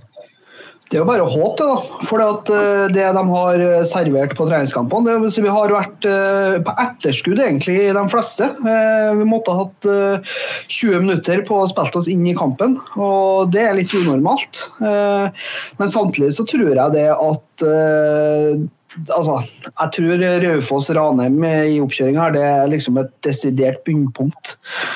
Og så, så, så, dårlig kan det ikke være, tenker jeg. Nei, men det det, det handler om nå, har vært hele tida altså det, det forklaringene som er, da, det er jo det som vi hører ofte. Og det er jo at spillerne trener veldig mye. Du skal få 50 kroner for at du sitter og holder vinduet litt, Tommy, for det hjelper. Slutt å ikke holde. Da kveler jeg deg snart. Hver gang det leker lyd, så tilte jeg. Uh, men uh, mot Ranheim så skulle vi øve på å ligge lavt, faktisk. Uh, og det funka dårlig, men det er noen sånn glimtvis i kampene som er OK. mot Raufoss så var jeg bare full hjerneblødning, og det skjer jo noen ganger, men nå har det vært så mye dårlig at jeg er redd at det setter seg en liten frykt. Men er det noen som kan ta det bort, så er det, så er det Kjetil Rekdal. For han er veldig oppegående, han er veldig smart. Eh, det man ser på denne innsiden, eh, videoene til Rosenborg, det er jo ikke det han, altså, de, de, legger jo ikke ut det han sier i forhold til taktikk og sånn, for det holder de jo i, lukka. Eh, men det er en kar til der som jeg skjønner godt at HamKam ville beholde, og det er en Geir Frigård. For det er han som er aktiv på feltet. Det er han som, er, han som kjefter. Jeg trodde at det skulle komme og være sånn type Nils Arne Eggen, Bjørn Hansen-konstellasjon, men det viser seg at det er litt omvendt. For det er en Geir som virker som Nils Arne Eggen på treningene, og så er det en Kjetil som er litt rolig i bakgrunnen. Og eh, Roar eh, går og trøster spillerne når de ligger og vrir seg og har den peptalken. Uh, digresjon på mutinga. Ja, vi bruker studiomikrofonene, så alt går gjennom ei maskin. Hadde de hatt på, så hadde vi hatt fått uh, ekko. Men, men dere er jo så teknisk avansert, og det er fantastisk. Men, men likevel så er det jo det at um, du starter med startelver. Mm. Ja, men før vi går på startelveren, så vil jeg ta tak i det med Geir Frigård. For at, altså, det, jeg elsker å høre på uh, ranting om hvor elendig Rosenborg er. As much as the next guy. Det kan jeg godt marinere meg i hele tida. Men, men den teiteste Du liker marinade, du. Ja, ja, det skjer det sjøl. Men den teiteste kritikken jeg har hørt, er jo at Rosenborg brukte penger på å kjøpe fri Geir Frigård. Som om det var dumt å bruke penger på en assistenttrener. Det er jo selvfølgelig altså, ekstremt velbrukte penger hvis du får en assistenttrener som hever nivået på alle treningene. Så det er mer anvendte penger enn altså, du, kjøper, du, gjør en investering som påvirker alle spillere, istedenfor å bruke de pengene på én spiller. Um, og det ser vi jo i Glimt også. Uh, vi har en assistenttrener som beskrives som at uh, ute på treningsfeltet så virker det som at det er den siste dagen i livet hans hver dag. Men det er helt klart at det har noe å si.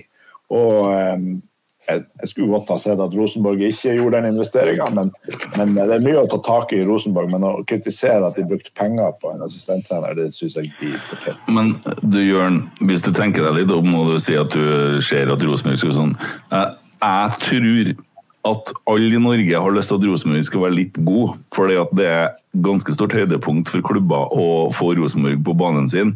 Ser for deg at Rosenborg har rykka ned og ikke har vært i Eliteserien. da hva tror du har skjedd med produktet i Eliteserien da? Jeg vet jo hvordan det hadde gått. Jeg husker det jo veldig godt fra når Glimt var nede. Det var jo ingen som fulgte med på Eliteserien. Det var jo som å vandre i en ørken. Nei, jeg skal huske det, for det har jo vært hyppig. men, der har jeg et dilemma til dere, hvis vi først er inne på det der, rykker ned. Eh, kom på det her. Jeg skulle egentlig skrive til dere i, eh, i rotsekk, men eh, så tar jeg det her. skal vi se.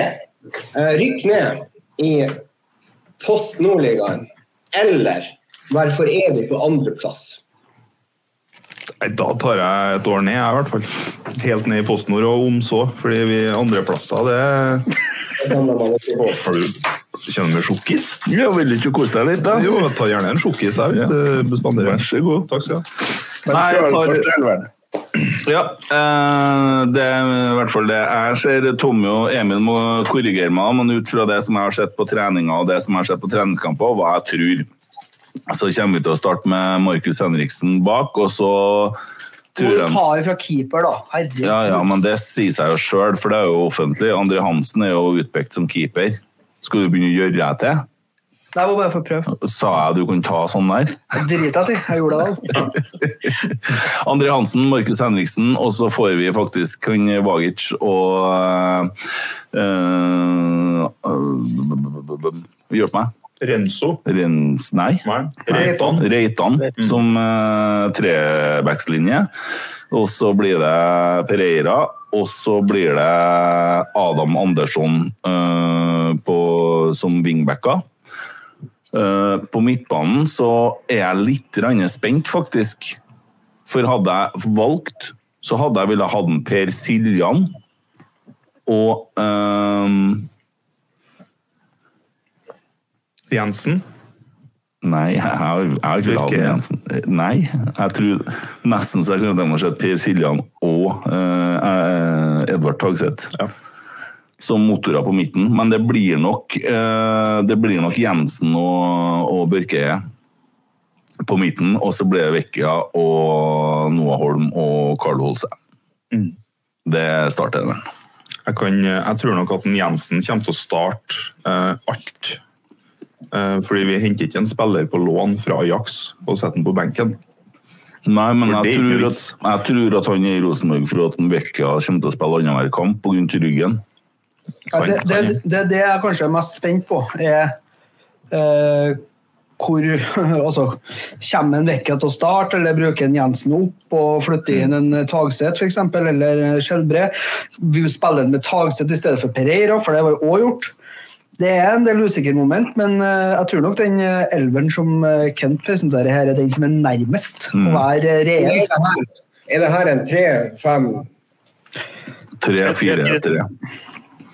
Vi sliter litt med ja. Utfordringen vår ligger mest i de toene på midten, sånn som jeg har sett det. Men hvordan, hvordan blir det da mot Glimt sine bekker og kanter, eh, når du da har eh, spiller en sånn formasjon? Hva dere tenker om det? Vi står oss jævlig bra mot spillende lag, og vi har sluppet inn eh, mest mål på dødball, så vidt jeg har eh, fått med. Glimt er ikke noe sterk på dødball. Dere har mer spille, spillemål enn eh, dødballmål. Så Det Fordi vi har ballen 100% Så det er Jeg tror nok dere kommer til å ha ballen mye mot Rosenborg òg. Men så tror jeg at vi eh, Jeg har jo sett noen kontringer eh, som har vært lynhurtige, og hvor vi kommer med sju mann framover. Og det tror jeg Bodø-Glimt kan ha problemer med å forsvare seg mot. Jeg tror, jeg tror eh, Rosenborg kommer til å tillate at Bodø får ha ball og, og, og stå høyt med laget, og heller komme eh, ja, kom i full fart etter, da. Hva, hva dere tenker eh, gutta? Skal dere ta, ta startelveren? Skal vi si den i kor, eller skal vi skal en av dere? Det er ikke noe å spekulere. Det, Det er ikke noe å spekulere. Det, det er så gitt. Det eneste er jo om Solbakken blir 100 fit. Håper nå ikke det. Er han litt skada? Ja, han har plaga med en ankel i et halvt år, så Ja, nei, det var dumt. Det er kanskje litt dumt for dere, for vi har jo han eh, godeste Come Soon som kommer ganske snart. Komsun. eh, come soon. Å, herregud.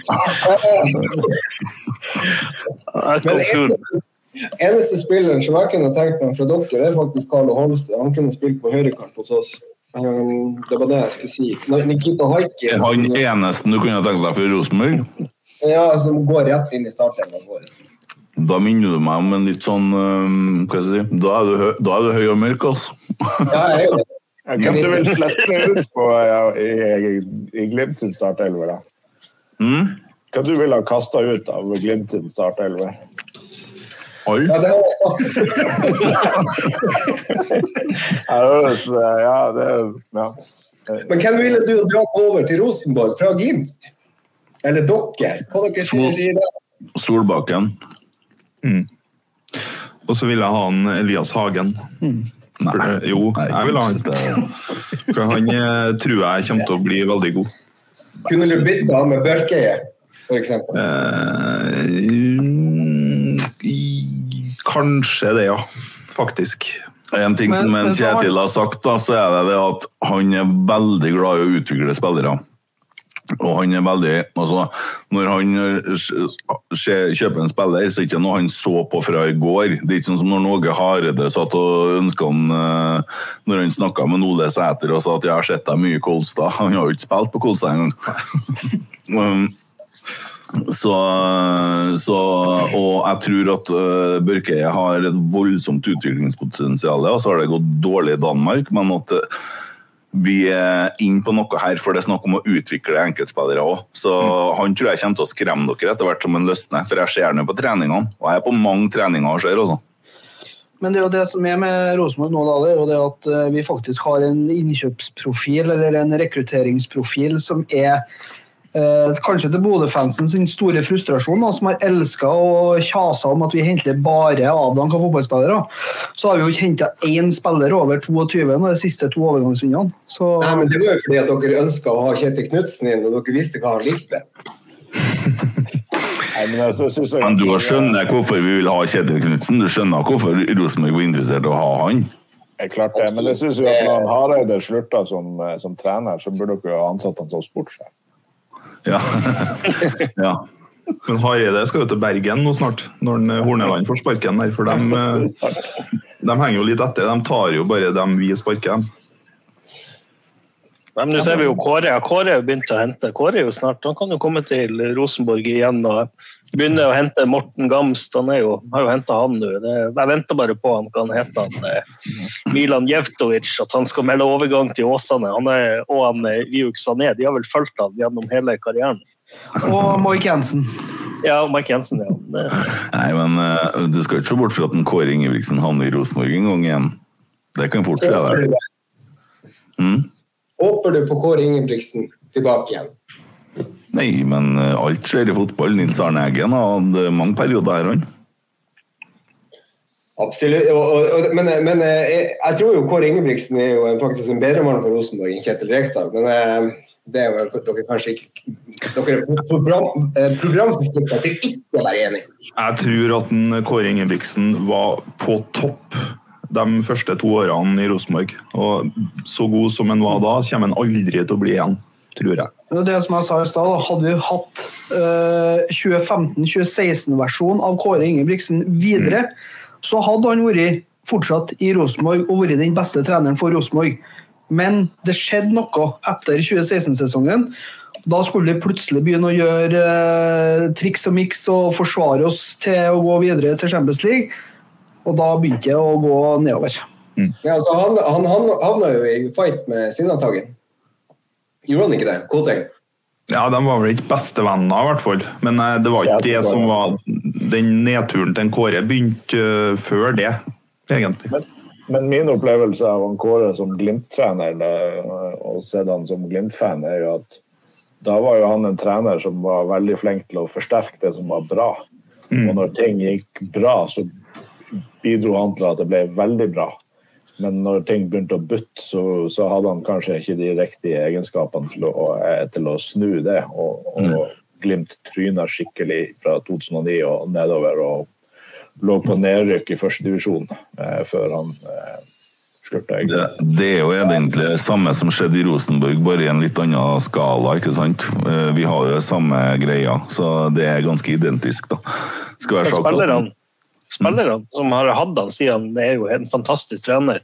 Men det er jo det at de kanskje blir litt for kompis med han. Vi hadde jo han Trond Olsen her i podden, og han sa jo det at han likte han Kåre kjempegodt. Han var den beste treneren han har hatt. Mm. Og han har hatt noen. Eh, så det er jo litt sånn eh, et team med Kåre og en, en som kan være drittsekken. Mm. Eh, kanskje Nei, men altså. Kåre, Kåre er jo best i medgang og elendig i motgang, så det er jo det. Men en annen ting som var veldig viktig for, for Kåre, det var det at han hadde Bjørn Hansen ved sin side i 2008. Og den tror jeg ikke vi skal skyve under noen stole, for det var utrolig viktig for Glimt. Ja, han, det glemte jeg å ta på lista. her. på lista. Bjørn Hansen Skal vi se nummer 19. Bjørn Hansen Ja, da har jeg fått den. altså. Ja, Det er ikke en ting. alt. Vi får lov til å ha i fred. Men, Men jævla skal med lista di om, om alt vi har, vi har stjålet fra Rosenborg, hvorfor gjør ikke dere det? Hvorfor vi Nei, vi, har, vi var henta Vi henta Ørjan Mini, vi, og så lærte vi dem ting. Ja, vi vinner jo alt nå med at vi har stjålet alt fra Rosenborg, men dere følger ikke deres egen oppskrift. Nei, men nei, nå har vi Vi må jo tenke nytt, for det er nå bare sånn det er. Vi har jo på en måte hatt eh, styrevedtak på 4-3-3, vi. Og så har vi holdt på og prøvd på det med alt mulig forskjellige konstellasjoner. Men jeg tror man må nesten være her for å forstå det, altså. For det, eh, det er jo sånn at eh, vi kommer jo på TV2 når vi taper mot Raufoss? Og det er Det var tre forskjellige produksjonsselskap som hadde ønska om å følge Rosenborg i sesongen i år og lage en sånn uh, Sunderland til I die-greie. Det er journalister på alle treningene. Det, det er sånn kok om ting at det er nesten ubegripelig. Og det er mange trenere som får seg bakoversveis. Og så er det sånn, kan man si Men nå har vi snakka oss litt bort, da. Men sånn som Hornis, da. Horneland. Verdens snilleste mann. Kjempeflink. Hadde han fått til det som han sa, for han snakker bra, ikke sant, så hadde vi vært der. Men han fikk det jo ikke til, for han hadde ikke eh, Det, det bare funka ikke. Så det er jo mange mange gode trenere i Norge. eh, Så kan vi jo mislike dem, sånn, men så er det noe med å få gjennomført det. da. Kåre har jo evnen til det i denne eh, medgangen, ikke sant? Og, mens Åge Hareide igjen er kanskje en spiller som har kommet til litt sånn ferdige klubber. Kom til en ferdig Rosenborg i 2003, gikk steinbra. Kom til Malmö, alt var jo på skinner. Det var bare å fortsette å ta over der. Og Han kom til Rosenborg nå i eller som en Kjetil oppdaga da han kom til Rosenborg, så var det ganske mye som ikke var på stell. Og Vi har hatt litt problem med å ta det innover oss, men det har vi virkelig gjort nå. Så til gangs. Og det gjelder mange forskjellige eh, ting i klubben som ikke har vært bra nok. Og så har det vært vanskelig å erkjenne, men det er erkjent. Og så har vi begynt jobben med Rosenborg 2.0. Og det heter ikke lenger 4-3-3, men det er jo bare tall. Og så Forskjellen på 4-3-3 og 3-4-3 den er veldig liten, den. En. Det, det kan være forskjellen at uh, midtbanespilleren, defensive midtbanespilleren deres, jeg vet ikke hva han heter, da, for jeg er ikke opptatt av det laget der, legger seg veldig lavt, så ligner nok plutselig på en 3-4-3, ikke sant? så lenge backene beveger seg. Sant? Men Ja, hvem det- er startelveren deres, da? Aiken er ubestridt bak. Ubestridt Norge Eliteseriens beste keeper. Med I hvert fall i Glimt. Bedre enn André Hansen. Han er Glimts beste keeper, ja. Nei, han er Eliteseriens beste keeper. Eh, Jeg han altså. Sitter og skryter av en russer. Du kan ikke si sånn, ja. Han er israeler. israeler. Han har dobbelt pass. Så han er isra israeler. Eh, Du kan ikke si sånn. Nei. Du kan ikke si sånn. Nei. Kan ikke det? Nei, ikke sånn. Nei, da slutter jeg med. Han spiller, han spiller med, med gule og blå hansker, så det er ikke noe tvil om hvor han har eh. Det er sant. Hvis den kommer med sett på drakten, så er det greit. Ok. Nei, så er det vel Samstedt høyreback, Mo og Høybråten i midten og, og Wembangomo på, på venstre i forsvarsrekka. Vetlesen høyre indreløper, eh, Elias Hagen dypliggende, Ulrik Saltnes venstre indreløper, Pellegrini på, på venstrevingen, Runar på, på spissplassen, og så spørsmålstegnet på høyrevingen om det er Komson eller, eller Solbakken. Det, Åh, jeg blir så letta når han er Runar han er jo vaksinert mot å skåre mål. Han skårer lite mål. Han kommer til å to mål i tellende kamp i år, så det, det er bra. Ja, ja, men han, han starter bra, og så ser jeg knekk, og så er han eh, ut i åtte det måneder. jeg blir fadese, vet du. Det, Men, men det var som vi sa, vi har Boniface i bakhånd. Når han har mørna de her Henriksen og kan, alle de heter bak der, Dahl Reitan og de, så kommer det plutselig spiller han i 20 sekunder, og så knekk, så er Boniface ut neste sesong. Er, men du, du er klar over at dere møter en eh, Hva heter det? Så heter det såra, skada løve? Ja, Wounded Lion. Ja. Det kommer opp noen som skal i krigen, og som jeg tror har alt å vinne og ikke så mye å tape. For det er ingen av dere som tror at Rosenborg slår uh, Bodø-Glimt. Det er ingen som tror det. Dere tipper dem ned på, langt ned på tabben. Jeg ser på Twitter de er tippa på åttende- og niendeplass av seriøse folk. og sånn. Tar imot alt. Jeg håper spillerne gjør det òg.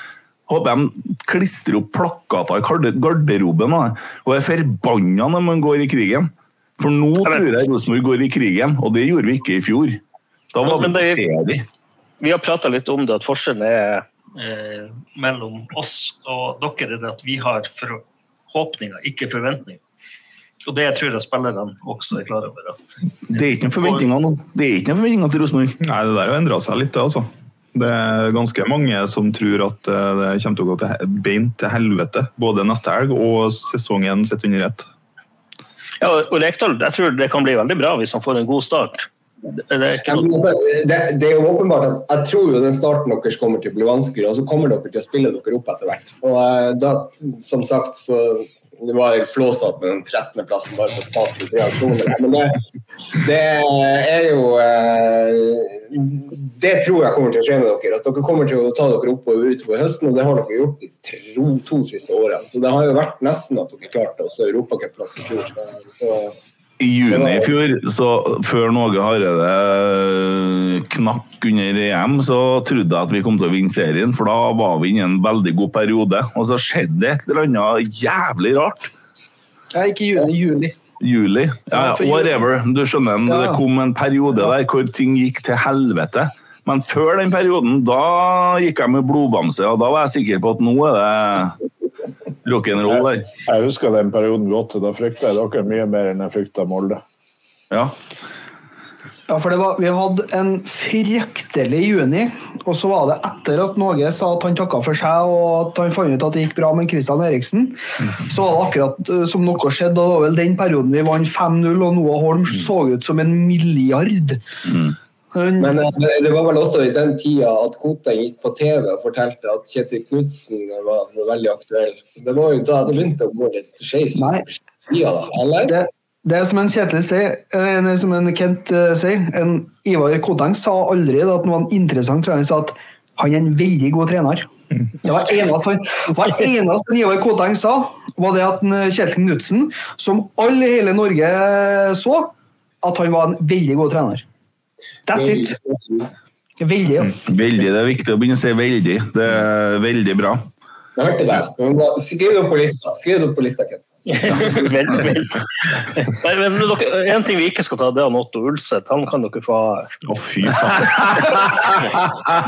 Vær så- god, ta han. Det er utspill her om at uh, fotballsupportere ikke kan jo lese. Ja, altså, Nei, fy faen, altså. Det er bare sånn, Dere hadde han som gjest her, jeg hørte på den episoden. og ja, han virka jo som en oppegående fyr, men han hadde tross alt trent Tromsø, vært litt sånn miljøskada der. Men når han begynner å snakke om Rosenborg og nedrykking, det, det, det sier jo seg sjøl at hallo, du snakker om en serie der du har Jerv, Tromsø. Det, det skal godt gjøres. Ja. Haugesund som snart er konkurs. Ja. Ja, ja, Og så er sånn, ja. Brann rykka ned, ikke sant. Og det må jeg si, jeg syns det er veldig synd at Brann rykka ned. Det, det er liksom Jeg er enig med deg. Håper de kommer tilbake fort som fy. Eh, klart det var mye, mye rot internt der. Ja. Jeg synes at eh, jeg er jo sånn at jeg vil jo ha eh, alle rivalene i Eliteserien, med unntak av Molde. De kan godt opphøre å eksistere. Og Raufoss. Raufoss. Nei, Raufoss er jo hyggelig, det. Uh, men de er jo ikke i Eliteserien. Eh, eh, altså, det som Brann dro opp, da, det var jo en soleklar dumpekandidat. Og er, har vi større dumpekandidat uh, Har vi hatt større dumpekandidat siden Strindheim rykka opp i sin tid? Har vi det? det? sånn. en Jerv. en jerv? Ja. Nei, jeg tror ikke det. Og de har jo visst noen rare takter nå, men altså, du skal aldri si aldri. For jeg tror forskjellen på seks øverstene i Obos og seks nederstene i Eliteserien er ikke så veldig stor. Men problemet til Jerv er at de er ikke blant de seks beste i Obos. Nei, ikke sant? Men, og det de holder på med her nå med han, han, han som nekta å vitne i Ja. rettssaken mot Sarr og Ja. ja, Det har vært mye rart nedi der, men de har gressbane, da. Det har de. Ja. Men eh, du, eh, apropos større dumpekandidat, det var jo noen år med Hønefoss. De var ikke så jævla gode. Nei, men de holdt seg i noen år, da. Hæ? Ja, men det er litt mer fotballby enn eh, Eller med Lafton og guttene. Jo da, det er sant. Arnar Førsund han med Ja. Strindheim, apropos, fikk ikke de seks poeng, da? Jo. Det var de òg. Ja. Vi trodde jo det samme om Ranheim òg. Vi trodde jo at Ja, det her blir bare et blaff, og så var de jo dritgode. Og fikk jo årets trener og spilte jo en frykende fotball. Og der ser du forskjellen på et godt lag og gode enkeltspillere. Vi har jo prøvd på sånn enkeltspillersystem i noen år, og det har jo vært med vekslende hell. Nå tror jeg vel på å bygge et lag, og det tar litt lengre tid enn hva vi ønsker oss, men sånn er det bare. Men jeg driter i hvor bra vi spiller på søndag. Jeg driter i alt, jeg. Bare vi går i krigen. For å se blod. Ja. Men eh, jeg tenker det er et bra tidspunkt for et lytterspørsmål. Eh, Tor Tor har spurt hva er, hvem blir årets gjennombrudd i begge lag, og hvem er dere mest redd for vil underprestere? Tja Jeg tror jo jeg, kan ikke eh, svare på Bodø der. Altså, Nei, men jeg kan gjøre det. Ja. Det er jo Elias Hagen, tror jeg. Jeg, Gjennombruddet, ja. jeg liker han godt, jeg. Eller det gjør ikke jeg, men jeg tror han eh, blir en veldig god fotballspiller. Ja. Driver du og drar ut uh, tråd? Ja, det er faktisk- fiskelin? eh. Nei, slapp av. Nå, Tom. Konsentrer deg nå. Vi har indikasjoner på hva som er bra. her, og Vi, vi har jo sett at Samsted har jo hatt en vanvittig oppkjøring her, og i tillegg så har jo Vetlesen også vært ekstremt god. Men jeg Ja, men det- det er et gjennombrudd eh, på de to. Nei, de har jo vært uh, altså, Vetlesen var jo god i Stabæk. Ja. Mm. Han hadde jo der. Men årets gjennombrudd i Rosenborg, min, min spådom Han er 16 år gammel og heter Håkon Røsten. 17 nå. En 17 nå. Ja. Han ser ut som en eh, 30 i kroppen og er bunnsolid midtstopper. Eh, Fra Oppdal. Har starta noen kamper for Rosenborg, gjør sjelden feil og er veldig kald i hodet. Eh, God med ballen, fine pasninger. Jeg tror det er litt sånn kjipt med midtstopper, for det er litt usexy, men, eh, og skal liksom ha det som årets gjennombrudd, men han kommer til å bli maskin. Enig. Mm. Jeg har, eh, jeg har en hos oss. Han kommer faktisk fra Tiller. Det er han Sjøvold. Eh, der har eh, de som har vært og sett på han på, i Spania når han har spilt, eh, der var det kommet til kommentarer at 'what a player'. Og eh, Det så vi litt i de treningskampene han spilte også. Han hadde et vanvittig blikk for spillet og klarte å rett og slett skjerme ballen på en helt uh, fantastisk måte mot uh, illsinte uh, Dynamo Kiev-spillere. Så det var, det, var, det var noe forfriskende over han. Dere kjenner jo kanskje litt til han, eller jeg vet ikke, dere Trøndelag. Har hørt litt om ham i Trondheimsfotballen. Ja. Han valgte jo å gå til Tiller fordi at han ville spille seniorfotball. Han Han ville ikke være i et akademi. og og valgte Bodø som eh, veien videre, og kan jo egentlig ikke ta han på det. eh, fordi at han kanskje ser at Og det er ikke for å være på en måte frekk, men han ser kanskje at veien er kortere for å spille seg inn på et Bodø-lag der spillere forsvinner, eh, enn det er på å konkurrere med ganske mange midtbanespillere som vi har i Rosenborg per dags dato. Det er jo fordelen, fordelen deres er at det ikke er så mange som blir solgt. Nei, men du har faktisk et godt poeng der. Eh, vi selger mindre spillere, og det er synd for økonomien, men det er bra for det sportslige, tror jeg, at vi får litt kontinuitet nå. Men for nå har vi, vi har hatt en voldsomt stor omveltning i spillerstanden. Altså, det har vært fryktelig mange eh, spillere som har kommet til. Og det er veldig mange igjen. og, og mange unge spillere. Men samtidig, så med det vi har prestert nå, så er det ikke så mange vi har fått solgt, det har du rett i, men vi har nå da dog uh, fått, uh, fått bort en Dino, en eh, Emil Seid og noen sånn. Så Fikk jo, 10 millioner for en Dino Islamovic. Da. Ja, kom det noen kroner for, eh, for Samuel og Degbenro her òg, da. Ja, det var vel ti der og fort. Mm. Så Jeg spørs om han sier det ikke kommer tilbake. For det. Nei, han gjør ikke det. Jeg snakka med faktisk mora hans i går. Eh, for at jeg møtte Ingvild på åpen dag, og han trives og han er fornøyd med For jeg spurte ham det med spilletid og sånn, men han er fornøyd, han. Han trives og lykkelig i klubben, så Uh, han har jo lovt oss at han kommer tilbake en gang, men uh, da kommer jo media igjen med det. vet du, sant? Uh, ja. Da blir jo det galt. Ja. Jeg syns jo bare personlig at jeg synes han gikk for tidlig. Altså, jeg syns ikke han hadde bevisst mye. Ja, jeg skjønner kanskje for klubben, rett stemme, men for han så mener jeg det at han, han har skåra noen pene mål og visst at han har noen X-faktorer, men mm. det fins bedre spillere i den norske serien enn han. Ja, men ikke noen med større potensial. Han har vel den som har kanskje størst potensial i fjor, av alle. Sånn i forhold til det han, det han kan bli. Men han, men han får så tidlig at vi vet jo ikke. Bortsett fra Botheim, da. Bortsett fra Botheim. Dere, han, han, gikk, eh, han gikk litt for tidlig i dag. Litt for tidlig som de sa lille lørdag.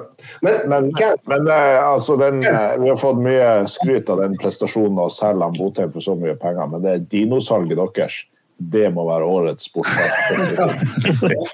ja, det er jo helt utrolig, spør du meg. Men uh, ja. Jeg ser hva du vil hen. Han røk akillesen rett etter han dro. Ja. ja. ja. Gratulerer. Han har ikke noe skrupler mot å handle spillere fra Jim Solbakken, da? Fikk han jo. Lell. Ja. Lykke til. Bare kos dere med Jim Solbakken nok. Helt, helt ærlig med, hvis vi har fått spørsmål nå om Erik Botheim kunne komme til Rosenborg og spille på Rosenborg i en sånn eh, free transfer russ-greier, så har min innstilling vært nei takk, det går bra. Vi har Noah Holm og Ole Sæter. Vi eh, jeg syns at uh, altså, Når Erik Botheim spilte på Rosenborg, så var han dårlig. Han skåra noen mål mot Tromsø, en kamp vi ikke hadde spillere. Og så spilte han jo på Stabæk en hel sesong, og da var han dårlig.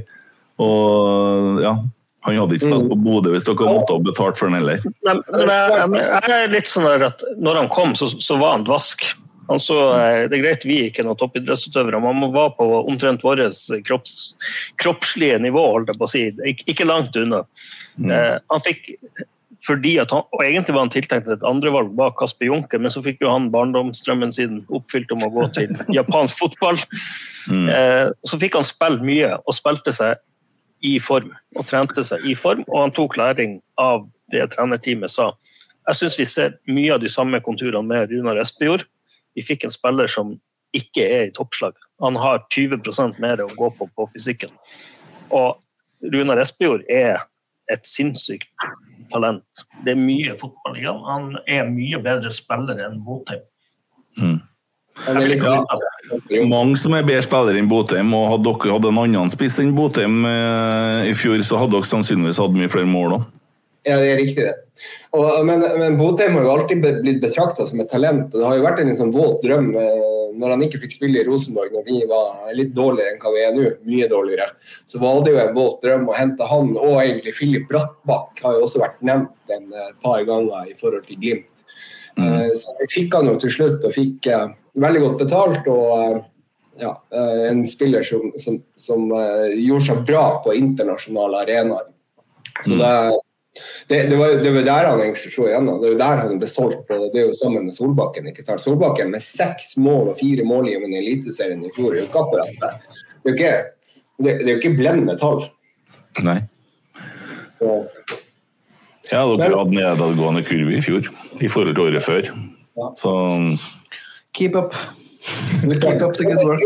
Kunne du kjørt en sånn Måse-vignett? Så vi tenkte vi skulle bytte et lite tema, for det her liksom angår oss alle. Det her med litt Fifa og litt president. Skal du sette en sånn her Måse-greie? Ja. ja. Skal vi bare høre på det? Ja, det er så dårlig. akkurat samme lyden som uh, Viking opplevde i, uh, før uh, semifinalen 1975, da Heidem Fiske slo ut for å telle dem. Så det, Dere skal få et tips i forhold til måse. Jeg hører mye måselyd når det er kamper på Aspmyra, for det er ikke så mye folk å høre. Men det dere må slutte med oppe her, er å spille musikk når dere skårer mål. For dere må være det, Vi har slutta med for mange år siden på Lerkendal, vil høre jubelbruset i stedet når det skåres. Å drive og spille musikk når det blir skåra mål, det er sånn som de gjør i lavere divisjoner. Det, eller når det er lite folk. Nå er det så mye folk at dere må drite i å spille musikk når det blir skåra kamper. Noter det til spikeren. Da er jeg mer Noter det på lista, så ordner vi det her i løpet av Ja, neste uke. gjør det. Men eh, hva, da er jo spørsmålet som eh, vi har prøvd å eh, formulere her Hva ville dere gjort om dere fikk jobben som Fifa-president? Her er mye gærent. Infantino ut, og f.eks. Tommy inn. Hva er din, dine første ting du skulle gjort med fotball? For her er mye gærent.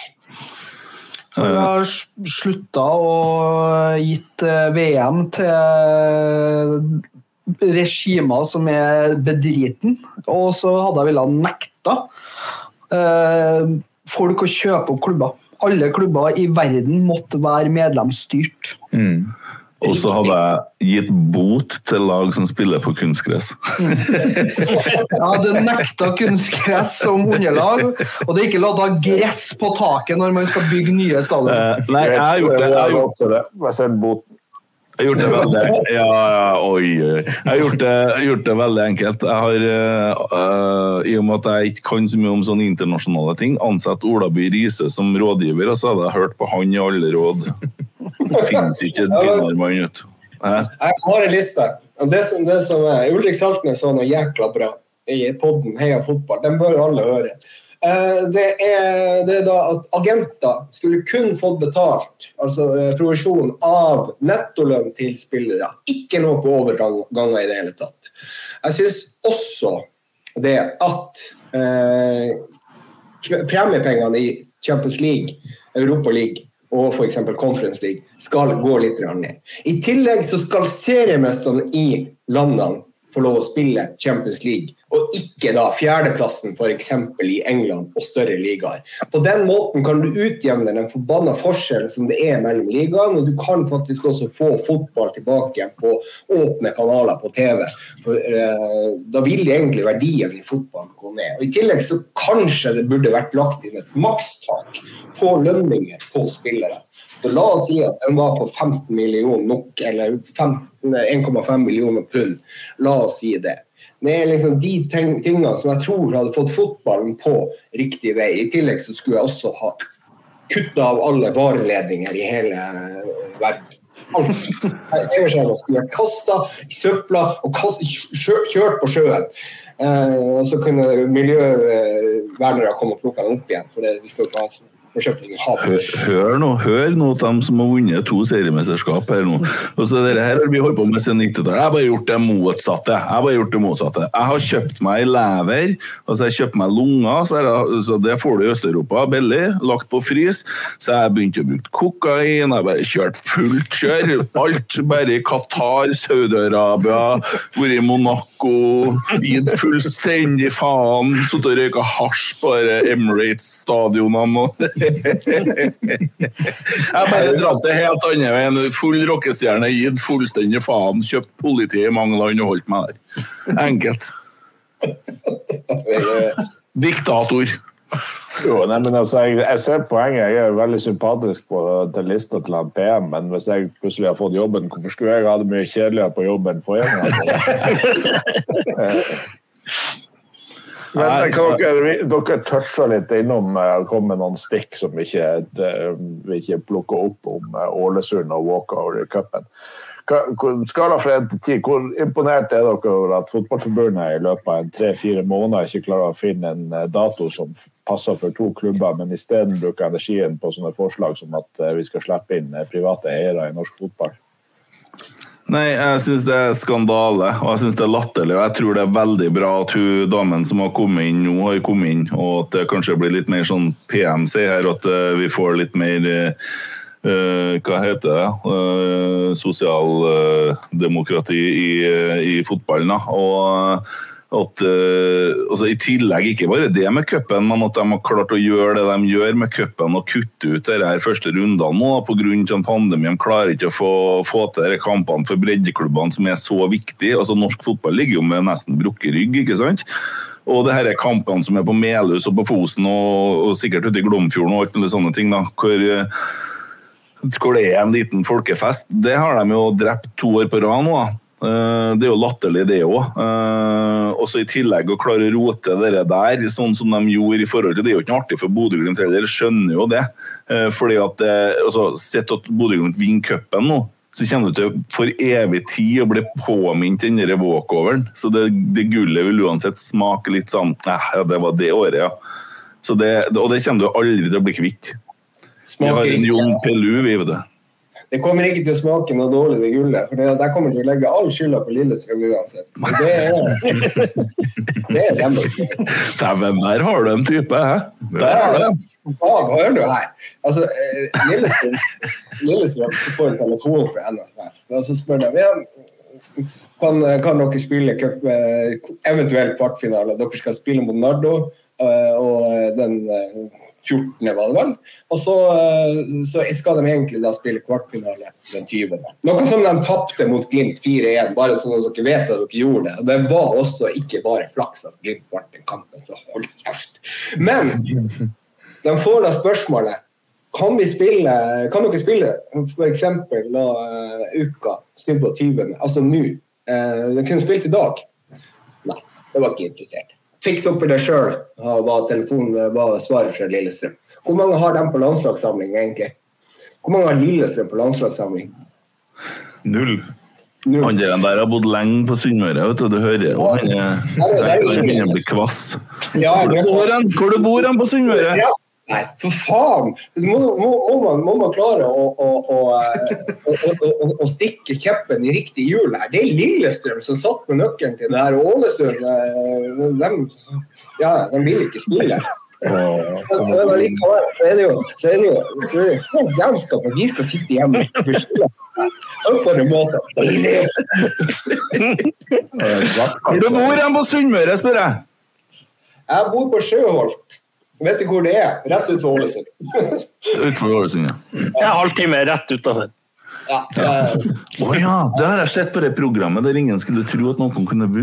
Ja, det, Nei, det, det, hvor han bor på andre sida av der. Han har vært på den butikken der, byggvarehuset. Du, du har sannsynligvis sett det på det et lite stykke Thailand i Ja. Nei. Mm. Mm. Men uh, dere som kommer fra den Lillestrøm. Dere som kommer fra den landsdelen, hadde vært morsomt å høre på ulike podkaster og eh, nyhetssendinger folk eh, i rikspressen ikke klarer å uttale klubbnavnet og kaller de for na Nardo. Nardo. Nardo. Ja, de sliter fortsatt med å si Rosenborg, vet du, folk, for de sier Rosenborg. Så eh, det Men nei, altså Det er noe sånn, det.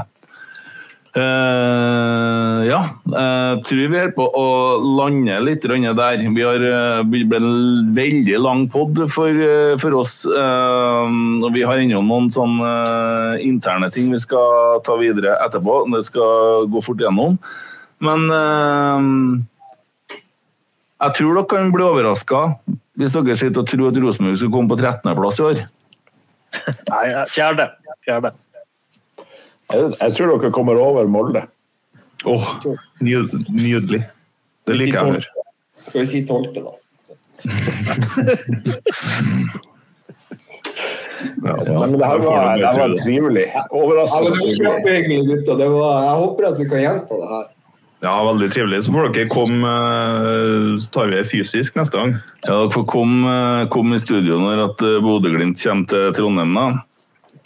Ja, det, Kanskje vi skal gjøre det, legge, legge, inn en sånn eh, lør, lørdag i Det er jo lenge siden jeg har vært i Trondheim, det er litt sånn covid og alt det der, men da er det jo mulighet til å gå eh, ut på eh, livet i Trondheim, selv om det stenger klokka to. Absolutt. Sist gang jeg hadde Trondheim, så holdt på å fryse alt av meg. Jeg måtte sjekke om beina fungerte etter at jeg gikk fra Lerkendal. Det var 1-1 der. Eller 0-0 var det verst. Det var 0-0! Ja, det var kaldt. Men, eh, vi, kan, vi kan ta stein, saks, papir om vi skal møtes i Trondheim eller på Sjøholt. og så har vi, vi har bare plass til fire stykker, så vi må bryte revkrok da, om hvem som uh, får mikk. Men, uh, men uh, altså, han sitter på Sjøholt og snakker om at det er kaldt i Trondheim. Ja. Du, her, her, er det jo 14 grader konstant. Det er 14 grader i desember og 14 grader i juni, så det, det, det er ikke noe Ja. Nei, den, vi, nei, den kampen 0-0-kampen, da hadde vi med oss eh, Reitan, eh, Skarsheim og Tagset i livepod rett etter kamp. Vi. Det var ganske spesielt. Men eh, det var 0-0. Yes, nei, men uh, vi kan jo bare si takk for stunden, og så håper vi at det blir en uh, hvert fall rettferdig kamp med gode dommere og bra forhold. Uh, så bra som det kan bli på plastikk, da. Men, Gresset er bra, har jeg hørt. Hæ? Gresset er bra, har jeg hørt. Ja, det er bra, ja. Det er litt krøllete oppi, oppi det ene hjørnet der, men kan vi si en Anders Øyen med saks? Ja, på plastikken. Ja. Mm. Nei da, men uh, håper jeg på rettferdige dommere og gode avgjørelser. Så har vi mye å snakke om senere òg. Så kan vi bare si det sånn, og så ja. ja. takker vi for stunden.